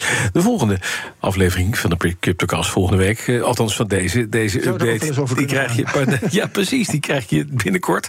De CryptoCast, wat zit erin deze week? Uh, nou, we evalueren die, die andere rechtszaak, die heel interessant was, tussen een tiental cryptobedrijven en de Nederlandse bank. Waar dus uitkwam dat DNB te veel kosten in rekening heeft gebracht voor het toezicht. En daardoor alle kosten moet terugbetalen. Mm-hmm. We hebben in de CryptoCast de scheidende en de nieuwe voorzitter van de Verenigde Bitcoinbedrijven Nederland, Patrick van der Meijden en Bert de Groot. Nou, die vieren bij, hun, bij ons hun overwinning. Maar we bespreken ook het toezicht op de cryptomarkt vanaf volgend jaar, als de Europese wet MiCA gaat gelden en de AFM het toezicht gaat doen. Duidelijk, dankjewel. Herbert Blankenstein, alle afleveringen van de CryptoCast terug te horen via de BNR-app. En die moet je downloaden als je hem nog niet hebt. Crypto Update wordt mede mogelijk gemaakt door Bitfavo, de crypto-exchange van Nederland. Hé, hey, daar zwaait de deur open. En wie staat daar? Ja, Ja, de Rudy. De Rudy. Die kennen we van Heineken. Van Heineken van jaren ja. geleden inderdaad. Ja. Um, en dit was denk ik in Oostenrijk, hè, want het was zo'n zo Zeker. wintersportbestemming, zo'n apres-ski hut. En daar hebben ze jaren na dato uh, goed naar geluisterd. Want mm. wat blijkt, er komen verkiezingen aan in Oostenrijk. En in Wenen zien we op de, uh, in de peilingen op de derde plek staan met 12 procent. Um, de partij die als afkorting heeft Bier. En die heet de Bierpartij. Die werd in 2015 als grap opgericht door een Marco Pogo. Dat is een meneer die ziet eruit als een soort ja, vent die in een uh, punk rock band speelt. Maar dat speelt hij ook, want mm. het is de artiestennaam van de frontman van de band Turbo Bier. Maakt dit soort welluidende muziek. Ja, ik zet hem even wat zachter. Als je graag dik bent en elke dag veel drinkt, stem dan op ons. De Bierpartij die schaft de alcoholbelasting af. Dat uh, zingt deze meneer dus in dit En lied. daar worden Oostenrijkers blij van. En daar worden Oostenrijkers blij van. Ja. En het partijprogramma is ook, dit is echt een klassieke one-issue-partij. Ze beloven maandelijks een vat bier per huishouden. Een bierfontein in het centrum van Wenen. En dat gaan ze betalen door radlerdrankjes en andere misdaden tegen de menselijkheid, zo noemen ze dat, zwaarder te belasten. Nou, het is natuurlijk begonnen als een grap, maar het lijkt langzamerhand wel een beetje tractie te krijgen. Um, zo nam de Bierpartij in 2019 uh, uh, deel aan de Weense gemeenteraadsverkiezingen. Toen haalden ze 0,1% van de stemmen. Of zoals ze zelf liever zeggen, 1 promiel van de stemmen. Wat niet helemaal klopt, geloof ik, maar oké. Okay. En uh, nu staan ze dus in de peilingen op nummer 3 met 12 procent. Ja, dus het zou zomaar kunnen dat zij uh, ja, toch wel een grote rol gaan spelen. In mensen, ja, het is een trippel. Zeker. Ik zou ze willen aanraden, wijzig je naam. En dat kan ook in Nederland trouwens. Bestuur is toch weg. Partij voor de Bieren. Verdienen jouw medewerkers de beste HR-service? Wij vinden van wel. Numbers combineert payroll met slimme HR-features. Bespaar kosten en geef medewerkers eenvoudig toegang tot verlof, declaraties en loonstroken. Probeer Numbers op nmbrs.nl. BNR Nieuwsradio. De Ochtendspits. Bas van Merven. Ja, het laatste half uurtje alweer. En uh, we gaan straks vooruitblikken uiteraard op de Big Five en Diana Matroos. Maar eerst hebben we nog een hele hoop werk te doen, Iwan. Zeker, Bas, goedemorgen. Ja, zullen we eerst beginnen met uh, de NAVO-bijeenkomst... van de ministers van Defensie gisteren in Brussel? Ja, want daar was uh, opeens Volodymyr Zelensky... die daarvoor in Roemenië was, doorgereisd naar Brussel dus inderdaad. En die staken daar de koppen bij elkaar. We need some support from the leaders. That's why I'm here today thanks for the invitation. Of course, I'll have possibility to speak and address to all the ministers of defense on the platform. We will speak about the priorities, how to push Russia out. It means out of the our native land, and it means we will stop the war. Ja, ja. de woorden van Zelensky gisteren in Brussel. Ik weet niet of hij er vandaag weer bij is, maar de defensieministers praten in ieder geval wel verder. En onze Europa-correspondent Stefan de Vries die zegt dat uh, uh, tien van die ministers, waaronder Nederland, al een contract hebben ondertekend om het European Sky Shield Initiative verder te ontwikkelen. Dat is een initiatief om de Europese luchtverdediging gezamenlijk te gaan doen. Uh, dus dan, ja, dan zijn de landen slagvaardiger, is efficiënter. Um, een hele concrete stap, ook een gevolg van de oorlog in Oekraïne. Ja. Um, dus dat was gisteren eigenlijk het meest concrete. Maar er is natuurlijk veel meer besproken. Ja, wat is er nog meer opmerkelijks besproken? Nou, een van de onderwerpen was natuurlijk ook de toetreding van Zweden. En daar ja, ligt Turkije toch nog steeds wel uh, dwars eigenlijk. Mm -hmm. Ja, Erdogan heeft wel gezegd dat het Turkse parlement de toetreding zal goedkeuren. Uh, vorige week. Uh, maar wanneer is nog steeds niet duidelijk. Hij wil bijvoorbeeld dat Zweden strenger optreedt tegen demonstraties waar Korans worden verbrand. Nou, eerst wilde hij dat nog koppelen aan de goedkeuring van de VS voor de verkoop van F-16's aan Turkije. Dus het gaat allemaal niet van harte. Nee. En de Zweedse minister van Defensie, Paul Johnson die is er vandaag wel gewoon bij in Brussel. Hij zei te verwachten dat de toetreding snel rondkomt. Maar ja, toch een aantal lidstaten verliest uh, hun geduld tegenover Erdogan. Dus de vraag is hoe lang hij dit uh, getraineer nog uh, volhoudt. Ja, nou is hij wel de tweede grootste NAVO-partner in het, in het hele bolwerk. dus het is niet een, niet een kleintje. Maar dit terzijde. Even over, over Oekraïne dan verder. Want Zelensky was er. We lieten hem even ja. horen. Op missie om steun voor zijn land te garanderen. Wat hij net al zei van ik wil de, alle defensieministers van de NAVO-landen bij elkaar. Die wil ik toch uh, gaan vragen. Jongens, help ons bij het verdrijven van de Russen uit ons land. Uh, België heeft meteen gezegd, die F-16's die komen 2025. En we gaan eerder mensen opleiden. Wat heeft hij verder gekregen? Ja, hij heeft weer flink wat uh, toch steun binnengesleept. Hm. Zelensky gisteren. En, Amerika heeft gezegd dat er een nieuw hulppakket komt van 200 miljoen dollar. Um, Denemarken is van plan om in maart of april de eerste de F-16's te leveren. Duitsland komt met een extra Patriot luchtverdedigingssysteem met raketten. En ook andere bondgenoten hebben aangekondigd dat ze extra luchtverdedigingsmiddelen en andere steun zullen sturen. Want ja, de winter staat voor de deur. En daar was het vooral Zelensky om te doen dat Oekraïne ook de winter door kan komen in de strijd tegen Rusland. Ja, het, dat is het ene conflict, Oekraïne. We hebben natuurlijk ook een conflict Israël. Wat, wat is daarover besproken gisteren door die, die NAVO-buitenland, of ministers van Defensie?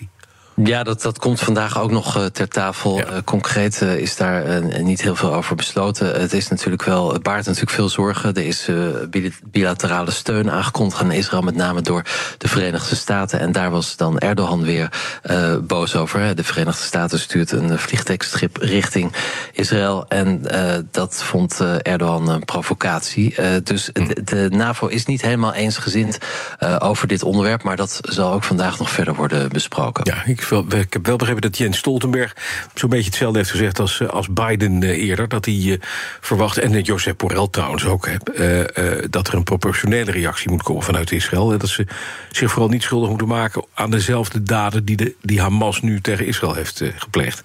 Ja, dat klopt. Het wordt natuurlijk uh, de, de, nadruk gelegd op het gelden van het oorlogsrecht. Ook ja. in oorlogen zijn regels. Uh, Israël wordt opgeroepen om die regels te respecteren. En natuurlijk uh, baart ook de blokkade van Gaza de bondgenoten zorgen, vooral om humanitaire redenen. Um, maar ja, militair en ook politiek volgens nog lijkt de NAVO achter Israël te staan. Ja. Met inderdaad de kanttekening dat de, de, regels gerespecteerd moeten worden.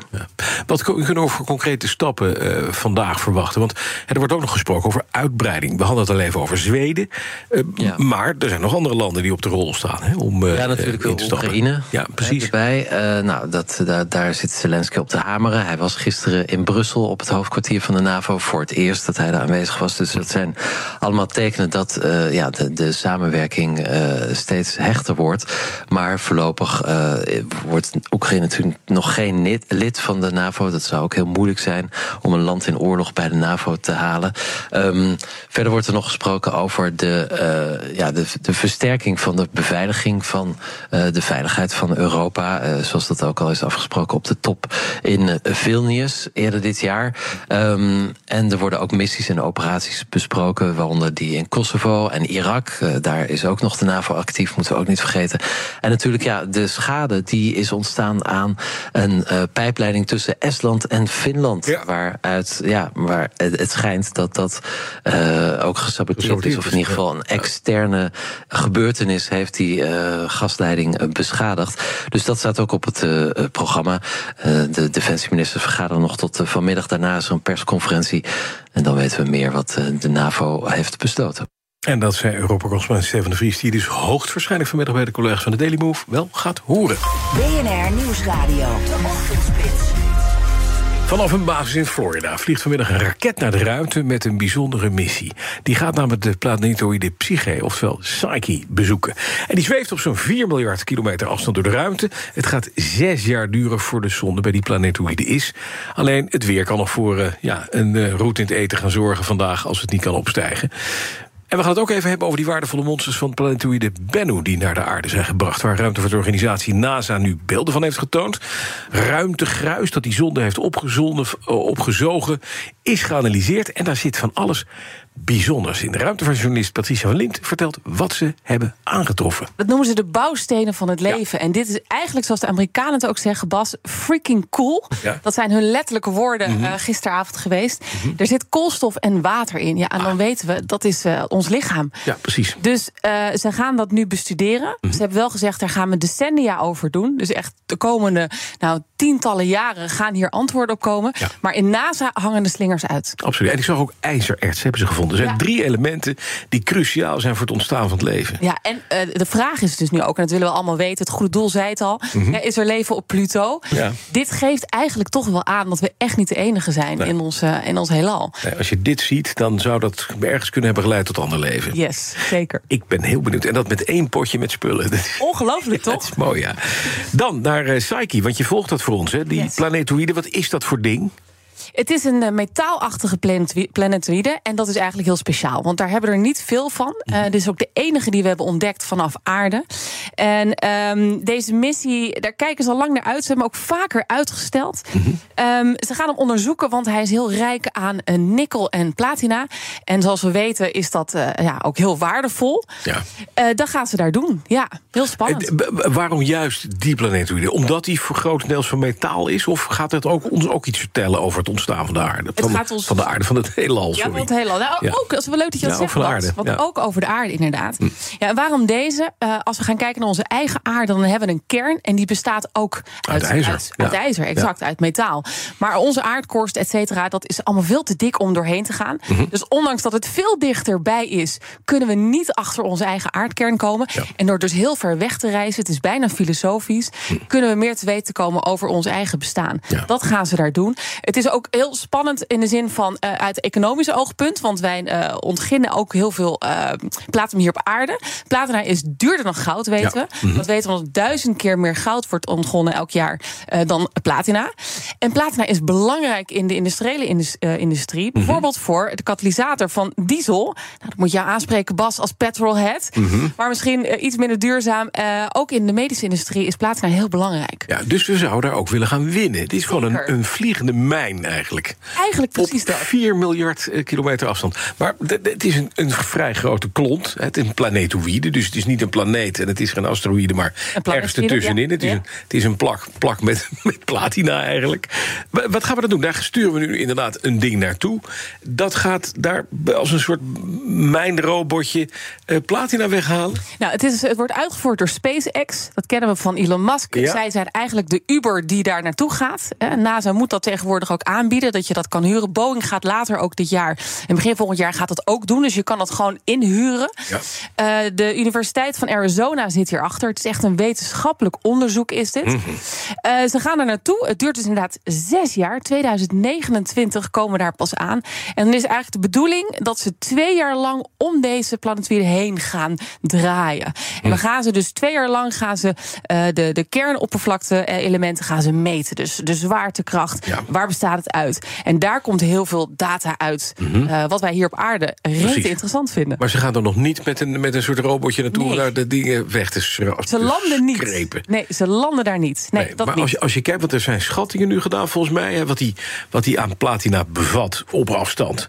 En wat hij dan waard is, wat, Ja. is, wat is die waard? Nou, Bas, ik weet dat jij 25 jaar bij BNR werkt. Maar Ja. dit heb je ook niet op je bankrekening staan. Nee, dat klopt. ik heb 10 begonnen. keer 10 triljoen. Dat is, dat zijn, dat is een 10 met 18 nullen. Ja, 10 dat is, triljoen. Ja, dat is echt onvoorstelbaar veel geld. Ja, een en dat is natuurlijk ook belangrijk. Ja, zeker. Ik zou het ding gelijk naar de aarde slepen. Ik ook. Ja. Huppakee. Weer terug. Haak het eraf Touw vast en, en en trekken met hem. Ja, dat zou ik ook doen. Elon Musk is gek genoeg om dat aan te bieden, denk ik. Maar zes jaar, eh, en dan eh, inderdaad, dan weten we, hebben we alle data. Dan duurt het weer zes jaar voordat je, voordat je weer wat kan doen, hè? Nou, dat is niet helemaal waar. Nee? Want er zit iets heel gaafs op deze ruimtezonde. Mhm. Ehm, hij is vrij klein overigens, Ja. die we de ruimte sturen. Hij is ongeveer zo groot als een minivan. Ja. Dan heeft hij wel van die hele grote armen... waar 75 vierkante meter eh, zonnepanelen op eh, liggen. Mhm. En wel mooi, ik zat gisteravond even nog te luisteren... naar eh, een soort van persconferentie van NASA. En Mhm. dan wordt ook meteen de dealer van die zonnepanelen... wordt dan ook nog even genoemd, dus dat is wel weer mooi. Lekker Amerikaans. Maar die klappen uit. Daarmee gaat hij op zonne-energie... gaat hij dus om die planetoïde heen Ja, vliegen, zweven, draaien. Eh, alleen dan willen we natuurlijk die informatie. Daar willen we niet weer zes jaar op wachten. Nou, dat deden we vroeger met radiocommunicatie. Wat we natuurlijk heel mooi vinden hier bij BNR. Maar ze hebben een, een laserapparaat aan boord meegegeven. En ze gaan het echt terug beamen naar aarde. Oh, waardoor de informatie ja, 10 tot 100 keer sneller op aarde terechtkomt. Dus we kunnen eigenlijk over zes jaar, wat ver weg klinkt... dan toch vrij snel aan de slag. Ja, dat is wel mooi. We kunnen dus echt gewoon op een afstandje sturen. Yes. Het wordt tijd dat wij ons signaal ook met laser de ruimte insturen, Ivan. Hè, denk ik. Nog meer luisteraars. Nog meer luisteraars. Ook van buitenaard. Buitenaard Nederland, welkom. Patricio Liem zei dat, ruimtevaartjournalist bij PNR. We gaan Erik even groen, want we blijven uiteraard met twee voetjes op de aarde. En dan kijken we even naar de lijst files. En die is nog steeds nou, best aanzienlijk, Erik. Goedemorgen. Ah, goedemorgen. Ja, die is nog eh, best fors. Toch ruim 350 kilometer file. En dat is veel rond deze tijd. En het ja, heeft toch wel eens met slechte weer te maken. En op een aantal plekken ook nog een behoorlijke vertraging. Zoals op de A12 Arnhem richting Utrecht. Tussen Oosterbeek en Maasbergen was een ongeluk. De weg is gelukkig wel weer vrij. Maar de vertraging is nog altijd ruim drie kwartier. En ja, dat zal in de avondspits niet zo heel veel anders zijn. Want daar wordt toch ook nog eh, behoorlijk wat regen verwacht... in het midden en het zuiden van het land. Dus die zal ook een stuk eh, drukker gaan verlopen... Dan, eh, dan normaal op donderdagmiddag en avond. En we hebben nog een flitser op de A4 Den Haag richting Rotterdam... bij hectometerpaal 61,3. BNR Nieuwsradio. De Ochtendspits. Over 12 minuten begint BNR's Big Five hier op BNR. Voorgezeten door niemand minder dan Diana Matroos. En Diana, het is dag 4. Je spreekt economen eh, deze week, de hele week. Wie heb je vandaag? Uh, overigens niet de hele week, want morgen heb ik Ingrid Thijssen. Dus dan sluit ik af met het waar. bedrijfsleven. Ja. Uh, maar vandaag inderdaad, uh, je hebt gelijk, weer een econoom, hoofdeconoom van ABN AMRO, Sandra Flippen. Mhm. En met haar ga ik natuurlijk ook kijken naar de begroting, of ze zich zorgen maakt over onze overheidsfinanciën. Ja. Maar ook heel erg inzoomen op de klimaattransitie. Zij is Mhm. iemand die zegt we moeten heel erg gaan versnellen. Mhm. Nou, ik denk dat we ook wel gaan praten over waar jij vanochtend over sprak met Rapport van PBL. CPB. Precies. Ja, precies. Ja, wat is nou realistisch? Maar Sandra Flippen zal toch op de lijn zitten. We moeten echt versnellen. En Mhm. hoe ze dat voor zich ziet. En wat dat betekent voor ons, voor het bedrijfsleven. Of ook als we het niet doen. Dat gaat een beetje aan de orde komen. Nou, dat is mooi. Om tien uur in BNR's Big Five met Diana Matroos. Tech Update. Joe van Buurik, goedemorgen. Dag Bas en Iwan. X heeft gereageerd op de aangekaarte verspreiding van desinformatie rond de oorlog in Israël. Gisteren prachtig mooi onderwerp van uh, Bernard Hammelburg in zijn column. Luister die terug. Mm -hmm. Dan hoor je even wat desinformatie en fake news allemaal doet op ja, dat moment. Zeker. Nou, en uh, daar was gisteren nogal wat om te doen, gezien de brief van Eurocommissaris Thierry Breton. Aan Elon Musk. Uh, ja, aan ja. Elon Musk, of eigenlijk X, dus ook ja. de CEO, Linda ja, Jaccarino. Breton, die uh, redelijk hard van leer trokken, zei binnen 24 uur moet er wat gebeuren of anders. Nou ja, wat anders is wel de vraag, want ik heb ook al kritische analyses gelezen die zeggen het zijn een beetje holle dreigingen, vooral voor de beeldvorming. Maar goed, daar gaat het niet om, want het nieuws is een brief van vier pagina's vanuit X, ondertekend door CEO Linda Jaccarino. Die zegt dat ze echt wel wat aan de situatie hebben gedaan. Naar eigen zeggen heeft het platform al honderden accounts die gelieerd zijn aan Hamas verwijderd. Tienduizenden posts op X die gelabeld zijn of verwijderd sinds de aanval begon afgelopen weekend. En 80 van al die verzoeken kwamen vanuit de. EU. Daartoe is ook geschoven met middelen en interne teams bij X, zegt de brief. Werd er zelfs een leidende werkgroep ingesteld om de situatie beter te pakken. Al zegt de brief dan weer niet hoe dat precies is gebeurd. En gezien hoe het de afgelopen maanden ging bij X en wat we dan af en toe horen, zou dat ook ja, zeg maar een bila tussen haar en Musk kunnen zijn geweest. Ja, precies, die met z'n tweeën gedaan hebben. Precies, zo, zo realistisch moet het dan wel weer zijn. Echter, eh, we moeten ook weer aangeven dat Jacquino in die brief de deur open heeft gezet voor een nieuw gesprek met Breton. Dat is eerder dit jaar ook al eens gebeurd over de algemene situatie. Maar ze zegt nou, specifieke vragen en eh, topics kunnen we nu ook verder behandelen. Eh, in die reactie benadrukt ze ook nogmaals dat X geen plek is voor geweld, haat, dreigementen en dat soort zaken. Eh, echter, als het dan gaat om bewerkte, nagemaakt of uit verband gerukte beelden, hè, Bas, zoals die desinformatie waar we het net over hadden. Mhm. Dan wordt het alleen beperkt. Dus ze zeggen niet, we halen het helemaal weg. Eh, ja, we beperken het. we beperken het. En dan is de vraag van, nou, beperk je het omdat je je best doet om het zo min mogelijk te laten rondgaan? Of zie je het niet? Of zie je het niet? Of zie je het ook een beetje door de Ja, vingers, precies. afhankelijk van wie en op welke manier het gedeeld wordt? Want dat is een beetje het lastige met alles wat op internet gedeeld wordt. Maar goed, we gaan het merken hè, de komende dagen of er daadwerkelijk minder desinformatie rondgaat. Op X in elk geval.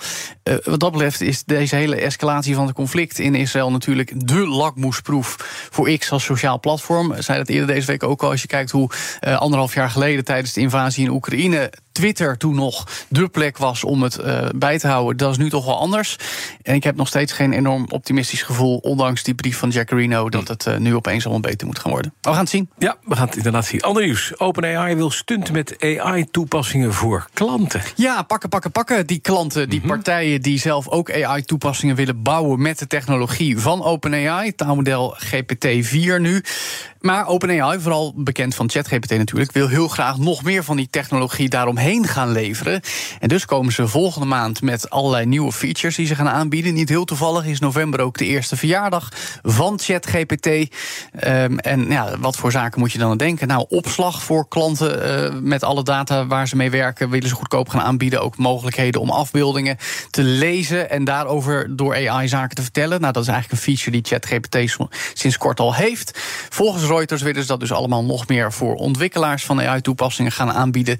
De moraal van het verhaal is dat OpenAI op die manier veel meer wil zijn dan de, de maker van ChatGPT als ding voor consumenten. Het wil ook echt de zakelijke markt verder veroveren voor makers van software. En dat is interessant, want Microsoft, immers de grootste investeerder in OpenAI en doorzetter van die GPT-taalmodellen, doet dat eigenlijk ook al. Ja, werd al duidelijk. dus. Precies, dat ze eigenlijk ook daar de concurrentie mee willen aangaan als OpenAI. Dus dat bleef je maffe situatie. 6 november gaan we meer horen, want dan houdt OpenAI de eerste eigen conferentie voor ontwikkelaars in San Francisco. Daar gaat er natuurlijk nieuws worden aangekondigd. Ja, dan nog even naar dit. Want Samsung voegt zich bij Google om Apple te overtuigen het op te nemen tegen Meta. Klinkt als een soort battle royale tussen de Het techbedrijven. van- Bedrijf ineens in. Ja, Als jullie nou meedoen, bloedt het harder. Ja, dat is nou, een beetje het dat is een beetje waar het op neerkomt. Nou, Meta zit al in de hoek waar de klappen vallen vanuit Apple. Als je kijkt hoe twee jaar geleden eh, de, de pr- privacy van advertenties werd aangepast. Maar goed, nu zou er dus ook een bondje gesloten moeten worden. eh, Als in Samsung dus wel bij Google. En ze willen Apple erbij hebben. De inzet dan, nou, dat gaat over welke app of welk protocol we gebruiken